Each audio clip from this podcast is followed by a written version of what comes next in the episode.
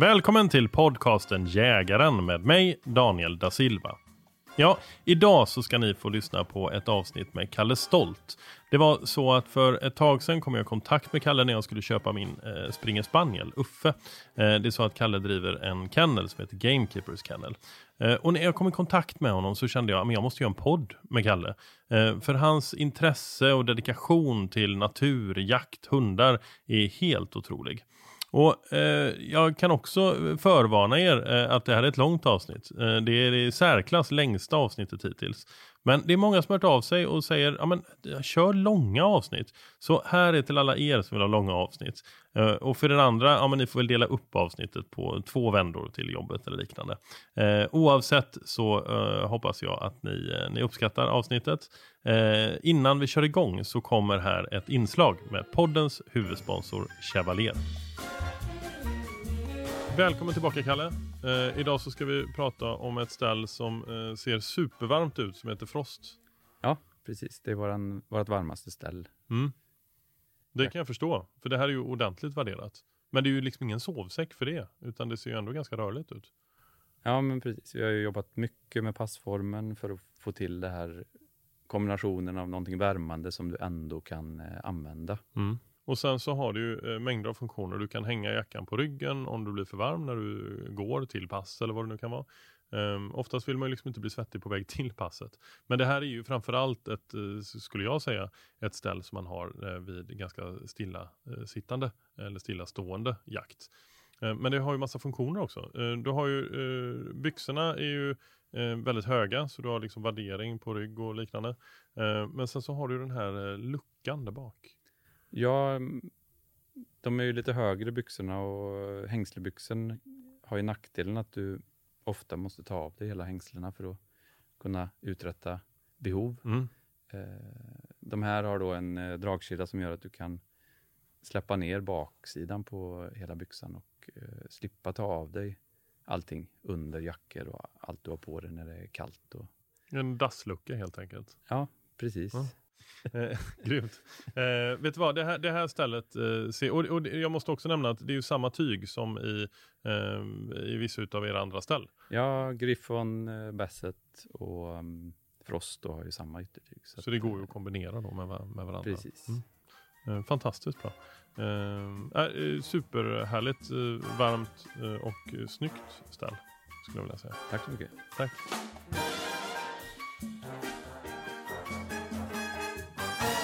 Då sitter jag här i Kalle Stolts eh, vardagsrum. Eh, välkommen till podden Kalle. Tack så mycket, välkommen hit. Hur mår du? Ja, men jag mår bra. Anledningen att jag vill spela in en podcast med dig är att jag har lärt känna eh, Kalle här eh, genom att jag faktiskt har köpt en hund utav Kalle. Mm. Eh, och ni som har följt podden vet att jag har varit eh, ute efter att skaffa en jakthund. Eh, och eh, under våren så bestämde jag mig för att eh, det var en eh, jaktspringer, en springer spaniel eh, som jag var ute efter. Och sen så eh, dök jag på Kalle Stolts namn. och du har ju Gamekeepers Kennel. Ja. och så blev det en kull helt enkelt. där jag då fick möjligheten att köpa en valp. Uffe. Uffe ja. som är 12 veckor gammal nu. Mm. Och alldeles fantastisk. Eh, fin. Och lydig. Ja. Mycket lydigare än mina hundar. Är det så? Ja, men jag tänker jag skickar med resten med dig. Aha. Jag kan ha Uffe ett par dagar, så kan, ja, kan du styra upp de andra. Nej, men han är, han är duktig. Eh, vi, vi, har tränat en hel del på ett uh, roligt sätt uh, än så länge. Mm. Vi, har, vi, vi gosar och kelar mest. Men lite sådär allmänlydnad har vi påbörjat. Och det är väldigt, väldigt kul. Eh, så anledningen att vi sitter här, det är ju inte eh, bara för att jag köpt en hund utav dig, utan det är ju för att jag har förstått vilket enormt intresse och erfarenhet du har utav eh, hundar, eh, både som uppfödare men, men också av, av jakt. Uh, och vi, vi kommer ju självklart prata, jag har massa frågor uh, som, som rör Uffe för att jag själv vill lära mig så mycket som möjligt. Men jag tänker att det kan vara intressant för lyssnarna också. Men mm. jag tänker att vi ska börja prata lite grann om, om dig. Okej. Okay. Känns det fine? Det är, det är fine. Kalle Stolt. Eh, du är 40 eh, snart. Ja, snart i alla fall. Ja. ja. men jo, men det får man göra. Ja. Lite krisigt ändå, va? Eller? Jag har ingen kris över det överhuvudtaget. Jag gillar det. Nej, men jag tror jag har krisat klart lite med det där är faktiskt. Det så? Ja, jag tror ja. det. Nej, men jag trivs väldigt bra med tillvaron. det måste jag säga. Det är gött. Väldigt konstig start på en intervju och outa någons ålder och liksom äh, dra Jo, på men- lite grann också. Alltså, ja, man- precis. man säger, snart 50, nej alltså 42. Jag Precis. inte. Ja. 30 till 70. Ja. Någonstans där. Ehm, men du har ju jagat eh, väldigt mycket eh, och du, har ju, du är biolog i grunden. Eh, du har ett eh, enormt intresse för viltet och för naturen. Eh, Och liksom symbiosen där omkring eh, och även då med, med jakthundar såklart. Eh, så det ska bli skitkul att prata med dig. ja, roligt. Va, va, när kom du i kontakt med jakt första gången? Ja, men det här det är lite, det är något diffust. Ja, Får jag säga, jag har ju ingen, jag växte upp i Borås i ett villaområde. ja, Eh, har, ja men morfar sköt nog någon hare när han var ung. Men han var liksom inte aktiv jägare, hade ingen bössa, jagade ingenting. så när jag var liten. Men det, så det finns egentligen ingen i min släkt mm, som jag har träffat som har jagat eh, eller så, eller som hade jakten med sig. Mina föräldrar jagar inte. ehm, men har alltid haft ett stort naturintresse, lite fiske och fågelskådning och mycket ute i naturen sådär. Och jag blev väldigt tidigt oerhört naturintresserad eh, av allt. Som ett barn blir, du vet. eh, Barnböcker med om Inga Borgs böcker från Afrika och savannen och ja, men jag hade en fågelbok, du vet, vid fågelbordet och, och så vidare. Va? Ehm, och sen tror jag att hundintresset och jaktintresset, ja men det, det växte nog fram lite parallellt. Jag, jag blev väldigt hundintresserad också tidigt. Kan varit sex, sju. Och i samma veva där, sex, sjuårsåldern, så vet jag att pappa fick ett luftgevär av sin bror. Av någon anledning. Minns det väldigt väl. Och jag minns att han började skjuta med det där luftgeväret. Det var liksom spännande. Och så började jag läsa om hundar på ett barns vis. Sådär. Och jag vet, jag, ja, men det var ju så många fina hundar. Och så det här naturintresset och luftgeväret och de här hundarna som fascinerade mig på något vis. Det gjorde att ja, men man började tänka, men då måste jag nog jaga. Och jag fiskade givetvis och sådär. Så det här med fiske, jakt, fångst och så vidare, ja, men det fanns. Det låg där liksom på något vis och växte fram ja, men lite parallellt. Så jag, det är svårt, jag kan inte riktigt minnas vad som var mm, först av dem. Utan de växte fram samtidigt och blev nej. ja, men till en, ett jätteintresse och egentligen mitt enda, mitt enda stora intresse eh, från det att jag var kanske 8-9 då. Och det var ju lite komplicerat. Förstås, bodde mitt inne i Borås och ingen släkting som som jagade och så vidare. Så att jag, ja, men jag försökte väl att lära mig så gott det gick. Jag köpte jakttidningar och lånade jaktböcker på biblioteket. Jag var rätt udda. Jag var som en liten farbror. 9-10 år gammal.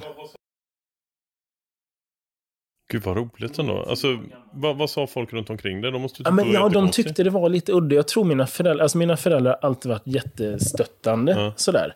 Eh, och sedermera stöttat mig väldigt mycket liksom, och visat intresse för det här med jakten som de egentligen inte mm, är intresserade av själva. Nej. Så. Men jag, jag minns, alltså, jag vet inte hur gammal jag kan ha varit, 8, 9, 10. Någonting så gick det på SVT gick ju ett program som heter Jakttid Ja. då. Och jag minns vi tittade på ett program, de sköt en gems i Alperna. Och jag tyckte detta var väldigt spännande. Förstås. Och då vet jag att jag, då hade de säkert pratat ihop sig lite. Att vi måste ju liksom prata med grabben om det här med jakt. För de var lite främmande för det tror jag. Och, och fråga liksom om ja, men va- varför tycker du det är roligt? Och liksom, är, det, är det verkligen något som är så spännande och sådär. Och jag minns att jag blev väldigt provocerad. Det är enda gången jag kan minnas i vart fall att jag liksom gick upp med häftiga steg för trappen och slängde igen dörren till mitt rum. Sen dess de, var de väldigt stöttande när jag var liten på det sättet de kunde vara. Men man fick en jakttidning ibland och böcker om jakt och sådär. Det blev, ja men det blev väl mitt sätt att förkovra mig i det. Och jag tror att det har betytt jättemycket. Ja, men att jag läste väldigt mycket på den tiden. Och höll väl på, det är ju preskriberat nu, så nu kan man ju erkänna det där. Men jag var ju runt med det där luftgeväret, ett gammalt Diana-luftgevär. Och ja, men hade rätt bra framgång på skater och kråkor och Mm. sådär. Eh, sen när jag var 12, 13 någonting, hade min mormor en bekant vars pappa jagade. Eh, och han hette Rolf, Rolf Olsson. På något vis där så fick jag hänga med honom. Jag minns jätteväl förstås första gången vi skulle ut och sitta och passa på räv och grävling. Det var vid denna tiden. Eh, för, ja men det är ju typ 27 år sedan. Ja, men något sånt. 28, 29 år sedan. Något sånt. Eh, och så var vi ute på bockjakten och sen hade han drever och stövare. En, framförallt en kanonduktig drever, så här, riktig gammaldags härkilad drever som alltid fick upp rådjur och jagade i dygnsvis. Fantastisk hund. Han tog mig lite under vingen och jag var med honom. Ja, men I stort sett varje lördag, söndag och skolkade väl någon dag emellanåt också från den tiden då, ja men sexan, sjuan där. Eh, upp till jag flyttade hemifrån när jag var 19. Eh, så var vi ute under höstarna och vintrarna varje helg i stort sett. Så han blev ju liksom min första, ja men lite jaktliga förebild. Mm. Så. Ehm, och sen flyttade jag till Lund och började plugga. Började plugga biologi. Blev lite less på det, började plugga direkt efter skolan. Ja. vet, sådär. Så, så att jag hoppade av och jobbade som jaktelev en tid och som jaktpraktikant eh, på ett par ställen nere i Skåne. Eh, och fick massa goda erfarenheter förstås. Och liksom komma ut på saker som man bara hade läst om. Träffa, ja, men träffa mycket intressanta människor. Och fick helt vidgade de jaktliga vyerna, eh, kan man säga då. Och under den tiden så köpte jag min första eh, tyska jaktterrier, Mirra. Som jag köpte av Kent Elving då. Kristina som hans dåvarande fru hette. De hade Kennel Gamekeepers. Jag hade hört talas om dem. Jag hade faktiskt en border terrier innan. Ja. Också på bra jaktlinje, men han blev, det var ingen bra hund. Han hade mm, massa fel på sig. Ingen pung och inga tänder och han var allmänt konstig. In, inga tänder. Nej, han hade överbett och saknade hörntänder och hade bara fyra framtänder och saknade pung och var kobent. Okej. Eh, och han blev blind när han var sju, tror jag också. Honom köpte jag när jag var 14, 15. Något Okej. sånt där. Men han blev det tyvärr ingenting med. Men sen köpte jag då Gamekeepers Mirra Ticka-dotter av Kent och Kristina då. Eh, och det öppnade upp massa nya dörrar. En bra hund och jag var runt och gick som hundförare på lite gods och sådär. Under den tiden så träffade jag ju jättemånga eh, fantastiska människor som har ja, men på olika sätt liksom följt med sen under åren och som jag har lärt mig jättemycket av. Och när, när var det du eh, tog över Gamekeepers? Nej, men jag, jag köpte den här tysken då av Ja. Kent och sen köpte jag min andra tysk av honom 2010. Ja. Och då frågade han om jag ville vara med i Kennen. Vi hade ju jagat en del ihop då och sådär och kände varandra ganska väl och han tyckte väl att det hade varit ja, men kul att ha med mig i det liksom. Och sen efter ett par år då avyttrade han sin sista hund. Och han höll ju på med tysk jaktterrier primärt. Hade ju en massa olika raser under årens lopp. Men det var tysk jaktterrier som var hans... Eh, ja, det som Gamekeepers höll på med mest, helt enkelt. Eh, och jag har ju kvar de linjerna. Eh, Kvittra som står där ute till exempel. Som är, ja, men jag håller nog henne för att kanske vara den bästa tysken jag har haft. Mm. Fantastiskt god hund på många sätt. Eh, Så jag driver ju vidare det, men sen har jag ju mina egna. eh, Det är inte bara tyskar som är mitt intresse, utan det har ju blivit då pointrar och någon forste och spaniels. Eh, någon foxterrier och sådär. För mig så känns det ju som att det måste vara spännande att ha en kennel där man också eh, jobbar och avlar på, på olika raser. Ja, men det är lärorikt. Alltså jag tror både avel och injagning, dressyr och så vidare. Det är väldigt givande att hålla på med, med olika hundraser. För att ja, men folk har lite olika idéer beroende på vad man sysslar med. Och jag tror man kan plocka, det finns alltid mycket att lära från olika håll. Alltså vissa saker som man har lärt sig från att ha stövare kan man kanske ha nytta av med fågelhundarna och vice versa. Så ja, men det tror jag, både i dressyr och injagning, men också i avel förstås. Och om, om vi ehm, fokuserar på dig och din jakt. Eh, ja, jag, jag vet ju om att en stor del av din jakt är ju eh, olika typer av hundjakt såklart. Men eh, jagar du utan hund ibland också? Kan du, kan du njuta av en, en eh, trevlig pyrschjakt? Ja, eller oh ja. Oh ja. Ja. Som sagt, alltså jakten är ju sprungen ur, ja men i grunden ett naturintresse. Mm. jag, ja, men jag tycker det är väldigt kul att vara ute i naturen på olika sätt. Jag tycker det är kul att vara ute och fotografera. Mm. Tycker det är roligt att fiska. Ehm, men bara vistas ute i markerna oavsett var och hur egentligen. Mm. Eh, sen är jakt med hund fantastiskt roligt, men jag kan njuta av att vara ute och pyscha eller Mm.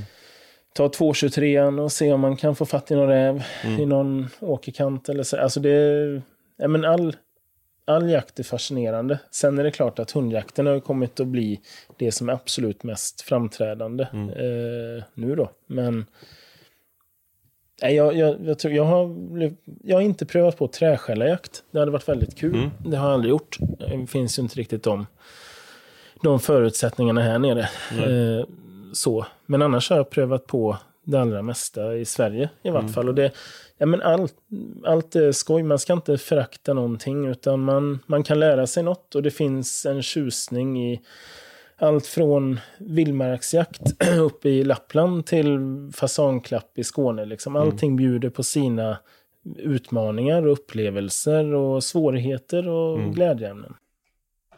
Som du själv säger så eh, finns det ju så många olika typer av jaktformer eh, och vilt och, och det, det skiljer sig såklart. Men går det att sätta ord på vad du känner när du jagar? Det där är en djup fråga. Ja? Det, ja, men det, det kanske det gör. Ehm, men det, det är nog lite olika. Det är nog olika saker beroende på. på något, Alltså när man, ja, men när man smygjagar till exempel. Jag, jag tycker det är väldigt det är väldigt spännande komma nära ett vilt djur utan att det vet om att jag är där. Mm. Det, ja, men den spänningen, alltså det är som när man var liten och smög på, inte vet jag, grannen eller morsan och farsan. Liksom. Mm. Ja, men det här att vara, ja, men att få en inblick i vilda djurs liv och leverne på nära håll utan att de vet om ens närhet. Och kanske ibland då om läget är rätt och, och sådär mm, också lyckas med, med jakten. Det där ja, men det har alltid fascinerat mig, liksom, oavsett om det var en skata med Diana luftgeväret eller om det är något mm, större djur man har jagat. Va? Så det är väl en, en aspekt, liksom, den här spänningen och närvaron på något vis som jag tror då är rätt, ja, men en primitiv, djup mm, jaktlig drift. Liksom.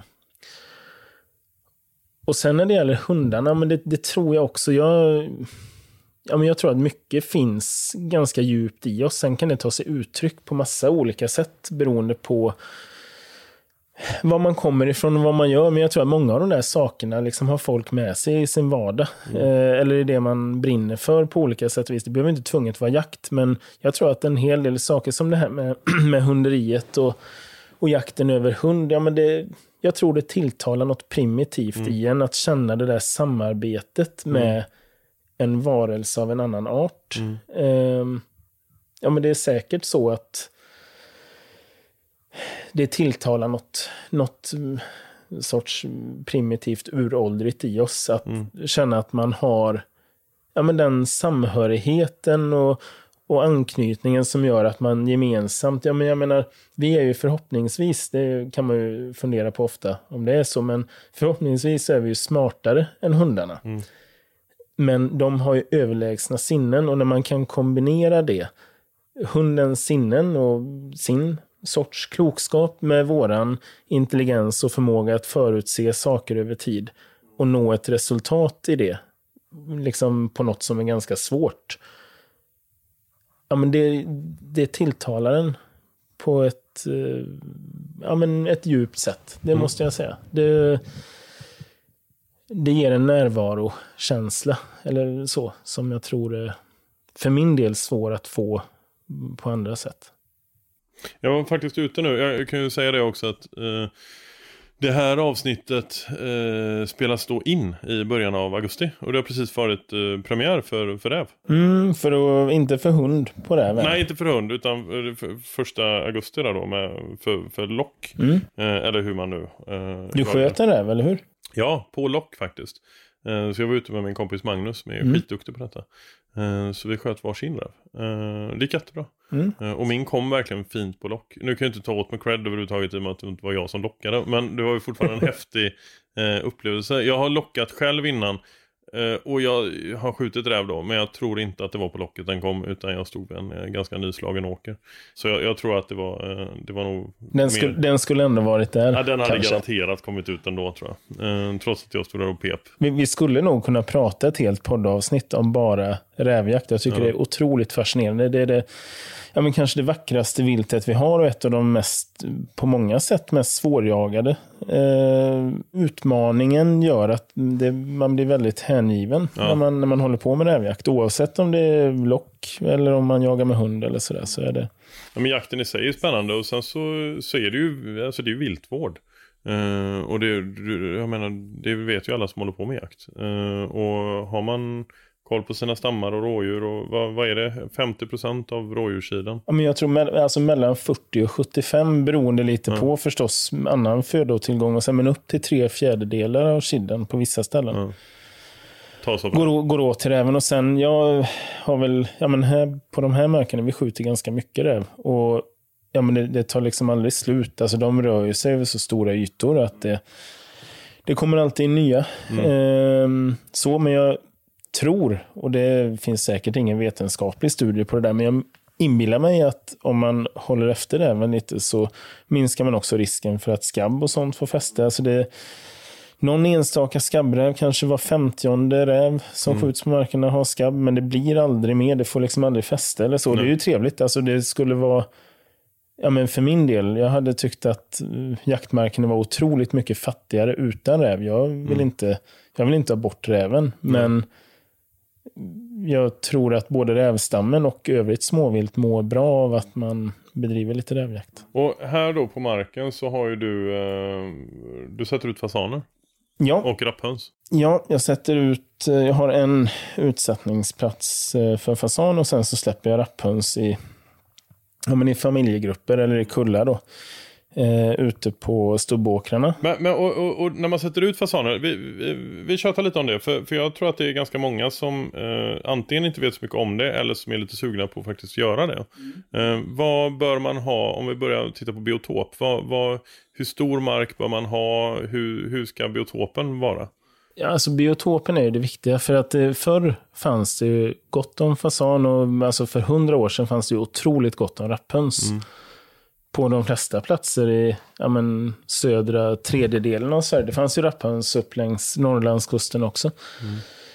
Men det är klart att i takt då med, och det är inte jakten som har decimerat dem, utan det är ju ett, förmodligen då ett modernt lantbruk Ja. med en annan brukningsregim, större skiften och mer mekaniserat lantbruk och bekämpningsmedel och tidiga vallskördar och allt det där. Det har gjort att biotopen har försvunnit helt enkelt. Okej, så förändringar i biotopen har påverkat? Eh, Jo, men så är det ju. Ska man, ja, men ska man sätta ut fågel, och det, det är ju någonting, ja, men det är mycket med jakt som är Ja, men en del befogat och en del obefogat. Kontroversiellt idag. Jakten är under lupp eh, från många håll.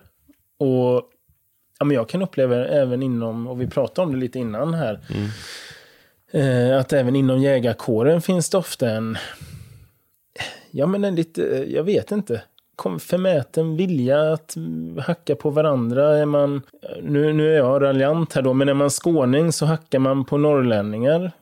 Till exempel ser man på sociala medier och sådär att eh, ja, men de har älghundar som hänger i länge till exempel. Men så är ju, det är ju tvunget i Norrland. Det är ju, finns ju en typ av förutsättningar. Då är man vice versa då, är man boende långt norrut till exempel, där man har ja, men en annan, alltså andra förutsättningar eh, liksom i markanvändning och så vidare, så har man kanske lite förståelse för, för fågelutsättning. Man tycker att det, ja, det, det finns liksom en raljans i att det är artificiellt och det är det ju i någon mening. Samtidigt så är det så att man kan man kan göra det där på väldigt bra sätt som också gör att man faktiskt etablerar och återetablerar de kanske inte fullt ut, men liksom den typen av vilda stammar mm. av fältfågel som fanns. Och om man kombinerar utsättningen med biotopvård, ja men då tror jag att allting, inte bara fasanen och rapphönsen, utan ja, men massa andra, både jaktbara arter, rådjur och hare och så vidare, men också insekter och småfåglar och så. Jag tror att du höjer egentligen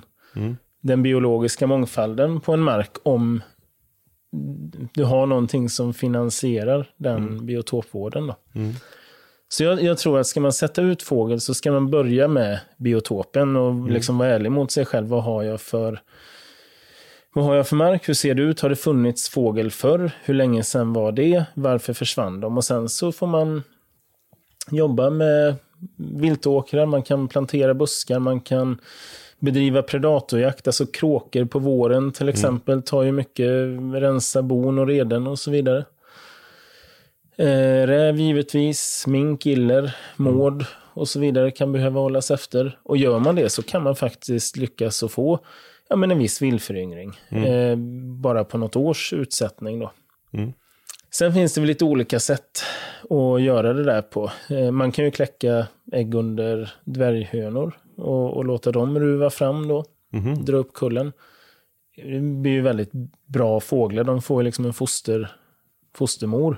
Fasan? Eller ja, både fasan och rapphöna. Ah. Jag gjorde det, men det är rätt många år sedan nu. 8-9 år sedan gjorde jag det. Känns ju sjukt ambitiöst. Ja, det, det är ambitiöst. Det, men det blir väldigt, väldigt bra fåglar. De blir ju väldigt naturliga. Så mm.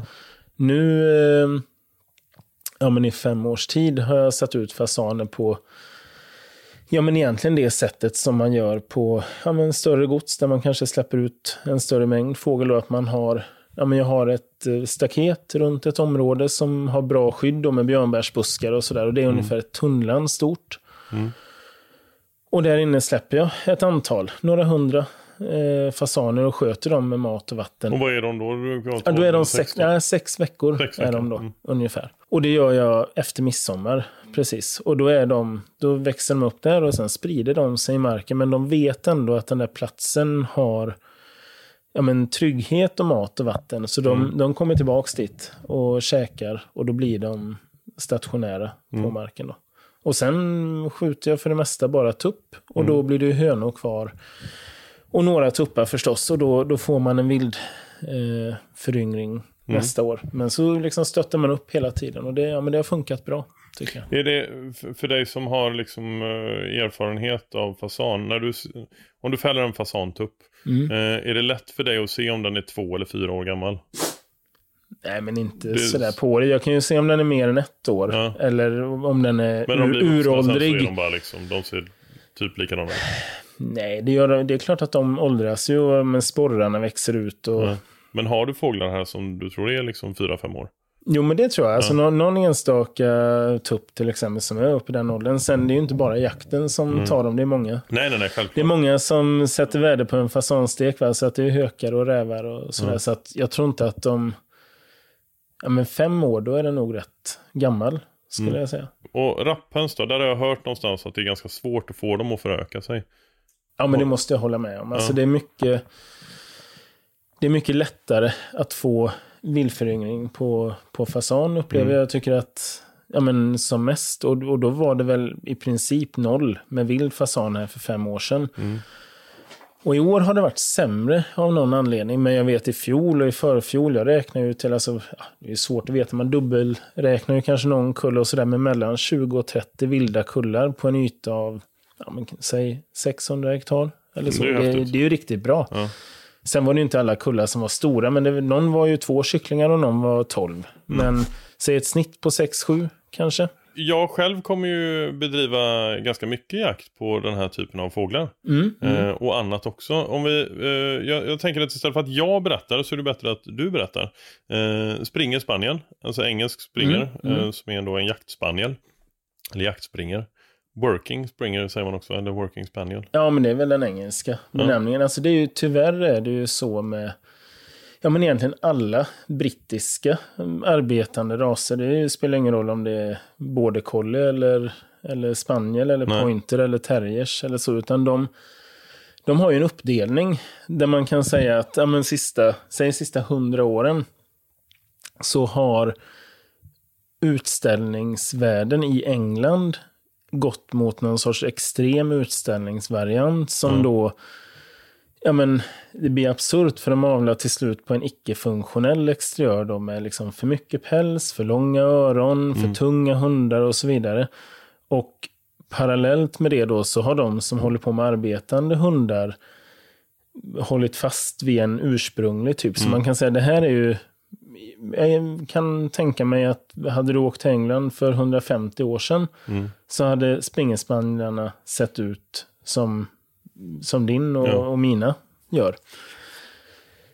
Överallt så att säga, men, men sen har det liksom delats upp i två varianter. Det är som sagt det är samma, ja, men labradorer, jättetydligt också. Och det, ja, men det där är väldigt synd. Vi ska vara glada i Sverige i våra hundraser, alltså våra jakthundraser, om vi tar jämthund eller Hamiltonstövare och så vidare, så är de inte uppdelade, utan vi har ju, det finns ju bara en typ och funktion och exteriör går hand i hand. Och det, jag tror att det är viktigt i hundavel att man Ja, men det, det, det är lätt att säga att jag skiter i hur hunden ser ut, bara den jagar bra. Och ja, jo, det är klart. Jag har hellre en ful kanonhund på jakt än en snygg oduglig hund. Vi, vi har ju våra rasstandarder på hundarna av en anledning och grundtanken med det är ju att det ska vara en funktionell exteriör. Och sen vill jag då påstå att den av somliga kanske misstolkats eller övertolkats eller så. Så att man då kommer längre ifrån det som faktiskt är sunt och funktionellt. Ja. Men med det sagt så tror jag att det är lika farligt att helt och hållet släppa exteriören. Och, ja, men då, rätt vad det är, så börjar det dyka upp massa defekter som inte heller blir funktionella. Utan jag tror det finns ett jättevärde i att bibehålla en, en god exteriör, men inte tumma på liksom bruks, alltså de mentala egentligen bruksegenskaperna.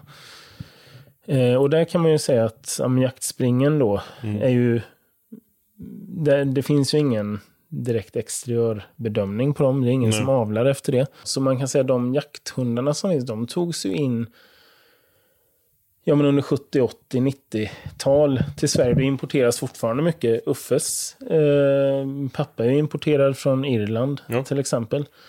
Eh, och det gör ju att ja, men det är ju den arbetande varianten och så finns det en ganska mm, liksom motsatt Ja. utställningsvariant i hemlandet då. Det är rätt kul, för jag tror att eh, några som, som lyssnar vet jag eh, lyssnar på samtliga avsnitt eh, av den här podden och har liksom följt med då. Jag har ju träffat Mattias Westerlund, Peter Ekeström och, och många andra personer som är duktiga på hundar. Och då har jag pratat om i podden att jag har, har haft ett sug efter att skaffa en egen jakthund. Och så har jag hållit på att vela fram och tillbaka med vilken ras och liknande. Och jag har en kompis som har haft en, en jaktspringer. Ehm, som eh, var alldeles fantastisk. Eh, så jag har alltid liksom haft ett gott öga till jaktspringor och så, och så fastnade jag för det. Eh, och sen så fick jag många rekommendationer om dig då eh, och Gamekeepers. Och det känns så sjukt bra. Alltså det, all, allting känns så, det är liksom 110% bra. Eh, och både då som familjehund, nu är jag ju bara 12 veckor, men, men på den här korta tiden så har ju hela familjen blivit liksom helt förälskade i Uffe. Eh, och ja, alltså den här resan vi ska påbörja nu tillsammans eh, i allt från liksom allmänlydnad till, till eh, jaktdressyr eh, ska bli så fantastiskt kul. Mm. Nej, det, det är ju spännande för dig då. Det blir ju det första... Ja, men Mm. Ja, du, ja. ni, du hade hund, du hade hund, spaniel ja. när du var liten. det förenar oss också faktiskt. Det, Ja, det jag, ja, men jag växte också upp med en galen cocker spaniel. Ja, okej. Ut, en utställningsvariant. Ja. Köpte när jag var sex. Köpte okej. mina föräldrar. Var... Han var inte klok. Nej, det var så. Ja. På vilket sätt? Ja, men det finns, eh, alltså utställningsvarianten av cocker har, ja men den är behäftad med någon ärftlig sjukdom som heter Aha. cocker rage syndrome. Är det sant? Och det, det är faktiskt precis så jävligt som det låter. Och det, han, ja men han var ju inte, han kunde flippa totalt. De får, det blir som ett anfall. Är det sant? Eh, som, ja men, Och bli aggressiv då? men, och det intressanta var att han blev jättegammal. Ja. Eh, konstigt nog. Han, Som en riktigt grinig gammal gubbe? i, nej, Nej. då blev han from. Han var, när han var, det började när han var liten valp. Alltså jag var ju Mm. bara sex år gammal. Så att jag, jag minns ju inte allt av det där. Det jag minns var att det var väldigt mycket, ja men han var jätteaggressiv ibland. Eh, och jag kommer ihåg att min far uttryckte, vilket jag har full förståelse jag, alltså han, han var så knäpp, han var ju farlig. Ja. På riktigt alltså. Så med facit i hand kanske han inte borde varit kvar Nej. i livet helt enkelt. Det Nej. kan ju låta hemskt va? men, men eh, han, var, han var verkligen inte klok. Eh, och började ganska tidigt. Alltså han var nog inte mer än 12-15 veckor Aha, när han okej. fick sitt första sånt utbrott. Liksom. Och Men- mot människor då? Ja, Ja. ja han, och det kunde flippa Vad heter det? Cocker rage? cocker rage syndrome. Det, han kunde flippa fullständigt Ja. Utan egentlig anledning. Ofta förknippat med något han vaktade eller sådär då. Som man aldrig riktigt begrep. Va? Så att det var ju, ja men när jag var liten, varenda dag jag kom hem från skolan så fick man vara beredd liksom att freda sig med ett kompostgaller. Han var vansinnig. Och sen kunde han vara världens godaste hund däremellan. Men det intressanta var att trots då att han kanske inte borde blivit särskilt gammal så blev han 17 och ett halvt. Är det sant? Han blev, eh, och blev förstås så jättegammal och blev då döv och blind. Ja. Och i takt, alltså efter tioårsstrecket, när han började liksom bli lite döv och så, då försvann, eh, då blev han god Aha. och mysig. Så jag tror alltså någonting med, ja men han misstolkar väl signaler eller, Ja, eller om det gjorde ont på något, jag vet inte, det finns säkert någon som har forskat Men på det det. finns inget som heter Springer Rage? Nej, nej, jag tror inte det. Vi får Som hoppas kommer nu i att han... 12-13 veckors... eh, Nej, nej, vad det finns inte. Nej, detta var ju som sagt utställningsvariant. Det är ett bra exempel på när, när eh, exteriöraven kanske går för långt då Mm. Ja, exakt. åt det hållet att man inte tar hänsyn till de mentala egenskaperna riktigt. Då. Det här avsnittet är även sponsrat utav JG Jakt. Och lyssna noga nu, för JG har ett riktigt bra erbjudande till er lyssnare. Eh, JG Jakt är ju en eh, jaktbutik som ligger precis utanför Göteborg i Sävedalen på Göteborgsvägen. Jag hänger där väldigt mycket själv och det gör jag på grund av att jag uppskattar personalens kunskap men också utbudet i butiken. Och eh, Det här eh, erbjudandet gäller då ett, eh, ett vapenpaket, ett klass 1-paket med en Tikka T3X, eh, riktigt bra bössa som jag själv har haft. Eh, och eh, Det här paketet är då bössa plus ett sikte. Och Det finns lite olika varianter på paket beroende på vilket sikte man väljer. Men är det så att ni är sugna på det och uppger då att ni lyssnar på podden Jägaren, då får ni med en dämpare på köpet. Eh, och det är en Triton nummer 4 som är värd 3 och 3. Så uppge koden Jägaren Eh, när ni pratar med dem i butiken. Eh, gå in på sajten eller gå in i butiken helt enkelt. Ticka T3X med ett sikte och en dämpare på köpet. Tack JG Jakt!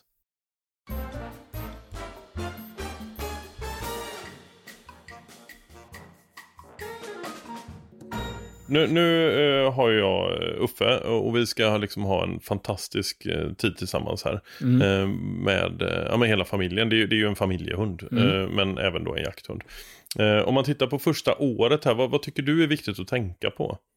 Men det där är ju en, det är en bred fråga. Det beror ju, alltså nu pratar vi om en, om en springerspaniel och ska man svara lite allmängiltigt då, liksom oavsett om det är en, en drivande hund, en terrier, en pointer, en spaniel, alltså vissa saker är ju samma. He- Alltså, det är ju allmängiltigt oavsett vilken hund man håller på med. Jag tror det viktigaste är att man ger dem ja, men en trygghet, att de de ska känna sig trygga med en. Eh, och det betyder inte att man ska skämma bort dem eller inte sätta gränser eller bara ge dem godis eller sådär. Utan det handlar ju om att man är ärlig och konsekvent och tydlig och förutsägbar. Eh, så att de förstår. Ja, men de ska förstå varför de får beröm. De ska förstå varför man säger nej eh, till dem. Och, ja, men få en, ett förtroende, att bygga ett förtroende. Det tror jag egentligen är det Mm. primära. Ehm, ja, men jag, jag, har, jag håller på då och hjälper människor med lite hundträning. Folk kommer hit med framförallt stående Mm. Fågelhundar och en och annan spaniel också tränar då på fasaner som finns i markerna och, och jagar och sådär. Och ja, men det finns väldigt, väldigt många som är duktiga med sina hundar. Eh, och jag tror lite grann, men det kan vara man kan jämföra lite med bollsinne, tror jag. Vissa har det bara i sig. Eh, det här med, med djur överlag till exempel. Och liksom, ofta ja, men folk som är duktiga med hästar, ofta duktiga med hundar. Alltså de har något sätt som, som gör att det blir väldigt, de är genuina och trygga på något vis med djur. Och tyvärr också då, vissa har det inte alls, precis med bollsinne. Det finns de som har totalt träben, det går inte, de kan inte mm, liksom hantera en boll. Och sen de flesta är väl som jag, med bollar. Alltså jag, jag kan spela fotboll, men jag kommer aldrig, hur mycket jag än tränar, hade jag aldrig kunnat bli en Zlatan, om man säger så. Man kan springa, man kan slå en passning hyfsat sådär. Va? Ehm, det, det jag tror det handlar om, det är, och det, det kan ju vara lite hårt ibland då om man misslyckas. Och det, det är samma sak, alltså man måste vara uppriktig mot sig själv. Jag kan känna ibland när jag, ja men jag vet inte hur många hundar jag har dresserat. Eh, Jag vet hur många jag har haft, jag vet hur många jag har fört på prov och dresserat och liksom startat på jaktprov och sådär. Men, men jag vet inte hur många, alltså stoppar ju inte med hundra som har varit genom, genom händerna på mig. Liksom. Och ibland går det bra, ibland går det inte bra. Och det finns såklart tillfällen när en del hundar är inte så smarta. Det är, så måste man kunna säga också. En del är svårlärda. Eh, De, de fattar trögt. Men 99 gånger av 100 så är det ju faktiskt jag som inte har lyckats att förklara vad jag vill så att hunden förstår. Och ja, men så där är det för alla. Eh, och, och jag tror att man måste hela tiden vara stadd i utveckling, vara ödmjuk inför det och liksom forma sig. Det är en ny individ. Ehm, men, och jag tror liksom istället för att fundera jättemycket på exakt vilka övningar man ska göra så tror jag att just det här att jobba med ja, men hur uppfattar min hund mig? Vad, att man är uppriktig och äkta. Och det, det kan man känna själv. Man kan gå ut en dag och känna sig ja, men splittrad. Det kan vara något på något annat plan. Jobb eller familj eller pengar eller något som krånglar med bilen eller vad fasen som helst som gör att man inte riktigt ja, men man är inte riktigt där. Eh, och det går aldrig bra. Nej. Utan viktigt att liksom lägga tid på hunden när man känner att man är schysst och i balans. Så. Och ja, men jobba på det förtroendet. Det tror jag är det viktigaste. Sen är det ju såklart så att det finns vissa saker de måste lära sig. Valpen måste lära sig att vara rumsren till exempel. Det blir äckligt annars. Det gick ju bra för mig idag när jag kom Ja, Uffe sprang in dem, men, det, men du kan kissade alltid... och sket det första han gjorde i ditt kök. Jo, men du har, ju, du har ju en fördel där. Du kan alltid skylla allt dåligt på uppfödningen. Va? Det är ju svårare för mig som behåller en valp själv. Jag kan liksom inte skylla på någon. Jag, Nej. jag har både, jo, då kan man skylla på hanhunden. Det är också populärt. Ja. Väldigt mycket handlar, i hundbranschen mm, har man ju lärt sig då, det handlar ju om att skylla ifrån sig. Va? Nej. Det är aldrig mitt fel. Det är Nej. inte tikens fel. Det måste vara hanhundens fel. och om man har både tiken och hanerna, och då, du vet, då kör det ihop sig. Ja, jag fattar. Men du kan ju skylla den där incidenten i matsalen där på golvet med Uffe. Det, det kan du skylla på.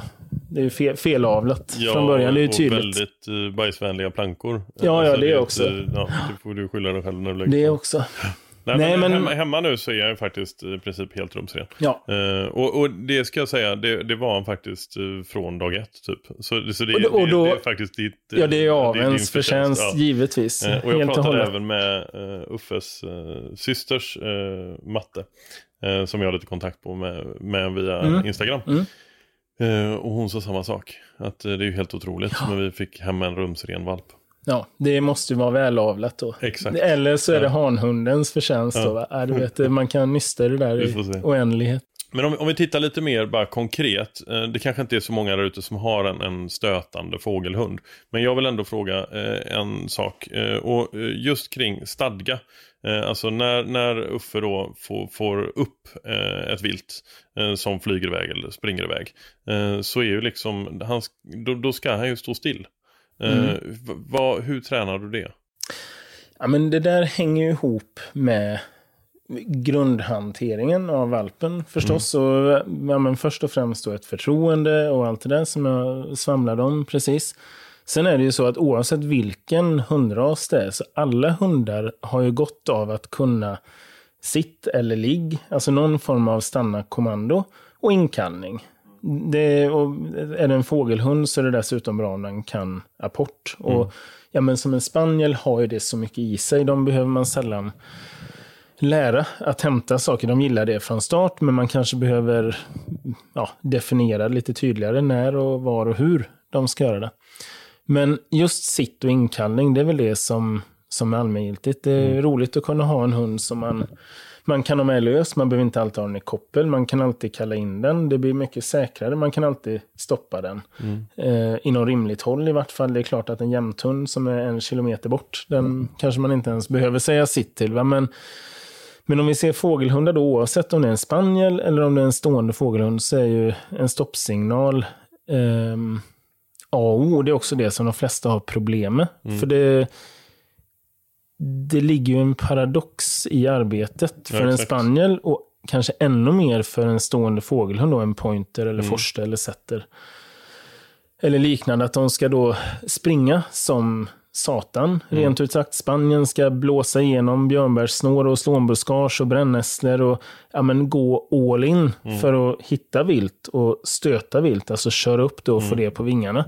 Och sen ska den, efter allt det slitet, så ska den bara stanna och förhålla sig lugn och inte springa efter det där ja, som den just har hittat. Det, på något vis så kan man förstå att det är lite lockande att mm. jaga efter den där kaninen eller fasanen en bit. Och jag tror för en pointer eller forste eller setterbreton eller vad, vad man nu tar för stående hund så finns det också en paradox. Och de, de springer ju som tusan på mm. fjället till exempel och så till slut så hittar de den där ripkullen som mm som man hoppas att de ska hitta. Och då istället för att springa så ska de stanna och stå. Det är egentligen rovdjurets, liksom när den står still innan den tar språnget. Och mm. den där reflexen ska den då stanna kvar i och liksom behärska sig. Man kanske är långt bort, kanske tar en kvart och gå fram till hunden. Mm. Och sen ska den då på kommando göra allt vad den kan för att få upp fågeln på vingarna. Mm. Så den ska resa, den ska helst liksom gå fram väldigt friskt och mm. få upp fågeln på vingarna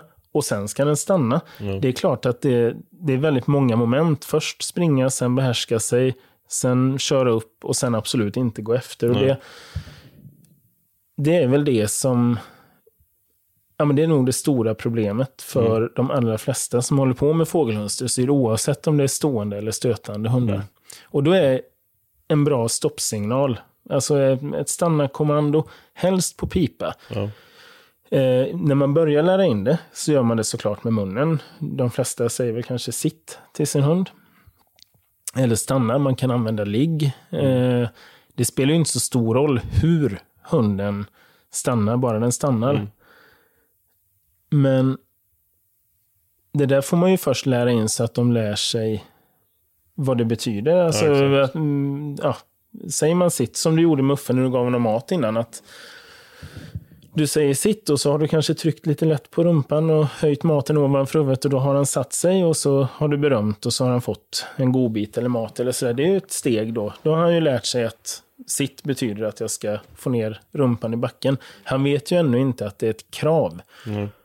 Och det där ska man ju ta det lite varligt med, med en liten valp förstås. Mm. Eh, det är viktigt att de, ja, men som sagt det här med förtroende och trygghet och allt det där, att man inte ställer för hårda krav och framförallt inte för höga krav för tidigt. Utan det handlar ju lite grann om att se till att de lyckas i varje steg. Att man inte, ja nu, som nu kan ju Uffe sitt. Nu vet, han kan ju sätta sig på det. Men det är klart, det var som vi pratade om innan, du kanske inte ska låta honom sitta Nästa steg är inte att låta honom sitta fem minuter innan han får mat. Men du mm. kanske skulle låta honom sitta tio sekunder. Mm. Och om han då reser sig, så kan det komma ett nej och så kan man vänligt men bestämt sätta honom igen. Så att säga. Eh, det där nejet är ju också någonting som man lär in. Många tror jag gör det helt omedvetet. Valpen biter en i strumporna till mm. exempel. Man säger nej och knuffar undan den. Och det är egentligen precis det som tiken gör när hon mm. fostrar en, en valp som kanske på biter henne i örat eller ska ta hennes eh, mat ur skålen. Mm. Eller så. Hon morrar och sen så kanske hon fräser till lite åt den och valpen blir lite spak och då har den lärt sig att ja, men det där morret, det vill vi inte trotsa. Vi vill inte fortsätta och, och mucka Nej. med mamma, eh, så att säga, när hon morrar så. För att då, då kan det bli lite obehagligt. Och det är egentligen samma sak med nejet. Att Mm. De ska lära sig som ja, men pointervalpen Grisegutt som är där ute. Han är en Mm. synnerligen... Synner, ja, väldigt bra namn. Det är en synnerligen kavat och framåt eh, liten herre. Du såg hur han var med fighta. Han har ju varit pain in the ass. Ja. Men hon har ju liksom lusat till honom någon gång. Inte alls hårt, inte, jag tror inte han har fått ont, men han tyckte det var lite obehagligt. Och det gör att när hon morrar till, då det fogar han sig direkt. Och faktum är att men det var häromdagen, då var han fruktansvärt besvärlig. Och höll på och skulle sno mat av de andra. Och en del av de andra hundarna är ju så snälla.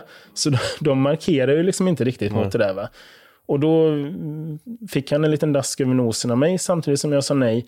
Och med timing och liksom en konsekvens i det så har det faktiskt gjort, jag märker på honom nu att han är mycket, mycket mer lyhörd för det. Det räcker att man säger ett kort nej och då tar han åt sig av det och slutar med det han håller på med. Liksom. Och kan du lägga på det då om du har sagt sitt, du ställer ner din matskål till exempel och han ska sitta kvar. Du ska inte tjata, utan har du sagt sitt, då är det sitt.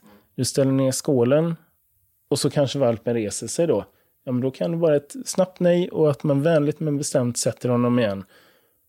Berömmer lite grann och sen varsågod och ät.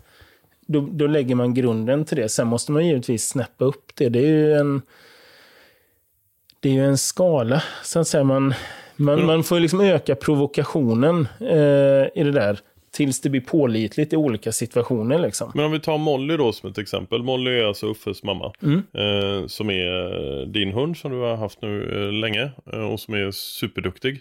Eh, om hon inte eh, stannar när en fasan eh, flyger upp. Eh, då skjuter du aldrig den fasanen, antar jag. Nej, det gör jag inte, Nej. fast hon stannar. Ja, okej. Eh, Eller så, och Men det, när du men det gjorde henne hon i början då? Ja, och då, men det är klart att när man då börjar träna med, med sin fågelhund, säg att den är ett halvår, ett år, någonstans däremellan. Beroende på mognad och förutsättningar och så, så kan man ju gå ut och liksom pröva och föra dem i marker där det finns vilt någon gång. Inte för mycket, utan det är viktigt att de lär sig att ja, men jobba i lite tomme och jobba Ja. på även om det inte är mängder med fasaner. Eh, men då har man ju liksom nött, då har man ju också lagt på en signal. Det är ju liksom nästa steg. Den, exakt. den kan sitt eh, när den är runt den på gräsmattan, Mm. kanske utom provokation. Och så lägger man på en visselsignal. Ofta är det då en signal, hyfsat kort. Så. Och den kan det. Och den vet att det är ett krav. Mm. Och man känner att man, man har lite förtroende. Man ska ju inte gå ut och ja, men utsätta valpen för en situation som man tror kommer misslyckas. Nej. Utan när jag går ut och låter unghunden stöta fågel eller stå för fågel i fallet med en stående hund och liksom förväntar mig att den ska lyda något i det. Ja, men då, då förväntar jag mig just det. Då, då tror jag med, liksom, på goda grunder att hunden kommer vara lydig. Om den inte är det, ja, men då kan jag också säga nej eller ryta i. Och är man nära då och har lite timing så kommer hunden att hejda sig och så kan man direkt koppla över till beröm. Så att det är ju timingen där, alltså man blåser stoppsignal, hunden kanske ignorerar det, man säger ett nej och då allt som oftast så har man gjort rätt innan så kommer hunden att stanna och så berömmer man och bekräftar det. Sen tror jag att det är oerhört viktigt och det är något som ja, men det är något jag har blivit bättre och bättre på tror jag de sista, liksom, ju mer man håller på det att ta tid i situationen. När hunden har satt sig, beröm och ta det lugnt. Ofta är man ju lite uppe i varv själv också. Det var mm, spännande, kul med första fågelsituationen eller man, man är liksom uppe i det. Man kanske berömmer väldigt, väldigt eh, upphetsande. Ja. Det kanske inte är så bra. Man, kanske, man kan berömma lite lågmält. Man kan, vara, man kan ge ett innerligt och uppriktigt beröm utan att spela över Mm. eh, förstås. Och sen att man tar lite tid. Låt hunden sitta kvar. Lugna sig, smälta situationen och är det en ung hund som har gjort en riktigt bra, haft en bra situation, gjort ett bra arbete. Ja men då går jag hem. Då är det färdigt där. För då blir det inte bättre. Och nästa, då får den sova på det någon dag. Och nästa gång man går ut, ja men då, då har, då, nej, men då har den med sig det. Då börjar du liksom Exakt. ett par rutor upp istället. Mm. Jag tyckte det var väldigt uh, fint förklarat att inte utsätta hunden för någonting som du inte tror att den klarar av. Nej. Uh, det är en väldigt liksom, sund inställning. Uh, det jag kan tänka mig att väldigt många Ja men man, man chansar lite grann eh, och kanske går lite snabbt i utvecklingen mm. eh, framåt. För, för ens egen del typ att man, att man vill liksom se framsteg eller att man, man eh, men att man tar det lugnt. Man kan ta det ett steg till. Jag går ut ofta, de unga pointrarna till exempel, jag tar ju med dem ut på fältet och de de får springa och göra lite som de vill. Mm. Ehm, och det är inte alla, alltså det finns ju, det ska man ju vara medveten om i fågelhundsträningen. Det finns massa olika skolor och idéer och teorier. Och det är inte, det är inte så att allt jag säger är något som passar alla. Nej. Inte alla förare och inte alla hundar. Utan så som jag gör, det har funkat för mig och det funkar de hundarna som jag tycker om. Mm. Och det tror jag är jätteviktigt att poängtera. Att en annan sorts hund, eller om man är en annan typ av förare, så mm. kanske man ska göra på ett annat sätt. Mm. Men jag kan bara stå, jag, jag, kan bara säga och stå för det ja, som jag gör själv. Ja, liksom. Det finns inget rätt eller fel. Bara det blir bra. Bara man kan visa ett resultat. Från somliga håll kanske man ska bara belöna. Man ska mm. få liksom inte ens säga nej. Hunden ska välja och göra rätt. Jag tror det är svårt. Jag tror att med många hund, pointrarna till exempel, alltså de har så himla mycket jaktlust och go mm. i sig. Att de kommer aldrig välja en belöning framför att springa efter den där fågeln. Mm. Det är mycket, mycket roligare. De är mm. helt ointresserade av, kan ju stå med ett smörgåsbord med leverpastej och korvar, de kommer skita i det. Mm. Och för dem så tror jag det är viktigt att det finns ett tydligt stopp och ett tydligt nej. Så. Och andra hundar kanske man kan göra på andra sätt. Men jag, jag kan ju bara, bara propagera för det som, som jag gör mm. själv. Och det har sina för och nackdelar. Allt har för och nackdelar. Men det mesta jag kan om fågelhundsdressyr eller hunddressyr överhuvudtaget, det lärde jag mig av en man som hette Sten Rönneling. Han mm. gick bort för ett och ett halvt år sedan. Eh, ja, men det var en mentor för mig och väldigt, väldigt god och nära vän. Och han, ja, men det är nog en av de mest framgångsrika fågelhundsdressörerna genom tiderna i Sverige. Både med forstrar, korthår och strävhår eh, pointrar och en och annan väldigt bra engelsk setter också då. Eh, hade otroligt mycket framgångar på proven och på jakt och mm. var... Jag menar, han hade verkligen det här sättet med djur. Han var duktig med hästar också. Mm. Eh, hade verkligen det här fina maneret. Alla hundar älskade honom. Han kunde vara hård och tuff mot dem, men han var också väldigt rättvis och väldigt mm. kärleksfull mot dem. Och de, ja, men de avgudade honom och ville vara till lags. Inte på ett kuvat underdånigt sätt, utan på ett... Ja, men de, de såg upp till honom. Mm. Eh, och jag köpte min första pointer av honom. Det är inte så himla länge sedan. Det är, det är 12 år sedan jag köpte gamla Epson av mm. honom. Och då någon gång ganska tidigt där, om det var när jag köpte honom eller kort därefter, så sa han det att ja, nu är det så här att du kommer ju höra mass, du kommer få massa råd. Och du kommer läsa massa saker, du kommer se folk som gör på olika sätt och sådär. Och du kommer höra mycket av mig. Och det, det, är klart att, sa han då, det är klart att det jag gör, det, det funkar för mig, det tycker jag är rätt. Men du ska ta det som passar dig och så ska du forma det till din egen mall. Det är inte allt jag gör som kommer passa för dig och din hund, utan vissa saker kommer du kanske vilja göra på ett annat sätt. Men så som jag gör, det kan vara en bra grund att stå på. Men sen ska du inte vara rädd för att ta råd från andra. Du ska åka runt och titta på andra.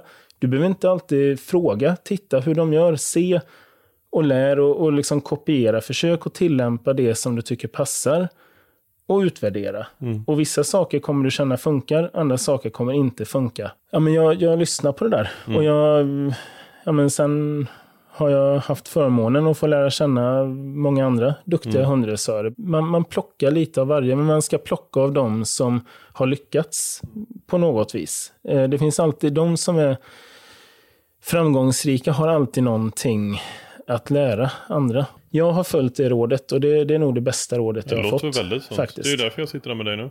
Ja, nej, men och som sagt, jag säger samma sak till dig. Alltså det, jag har mina, ehm, mina idéer och principer och det är inte allt som passar dig. Nej. Du kommer vilja göra på andra sätt. Och du, ja, men du har en hund eh, och har den inne och med dig alltid. Jag har ett tiotal och det, de är inte inne hela tiden. Alltså jag får en annan relation till dem. Eh, alla är inne ibland och alla är familjehundar, alla är med mina ungar och så vidare. Men de, det blir något annat. Ja, Liksom. visst. Vad tycker du man ska tänka på när man väljer valp?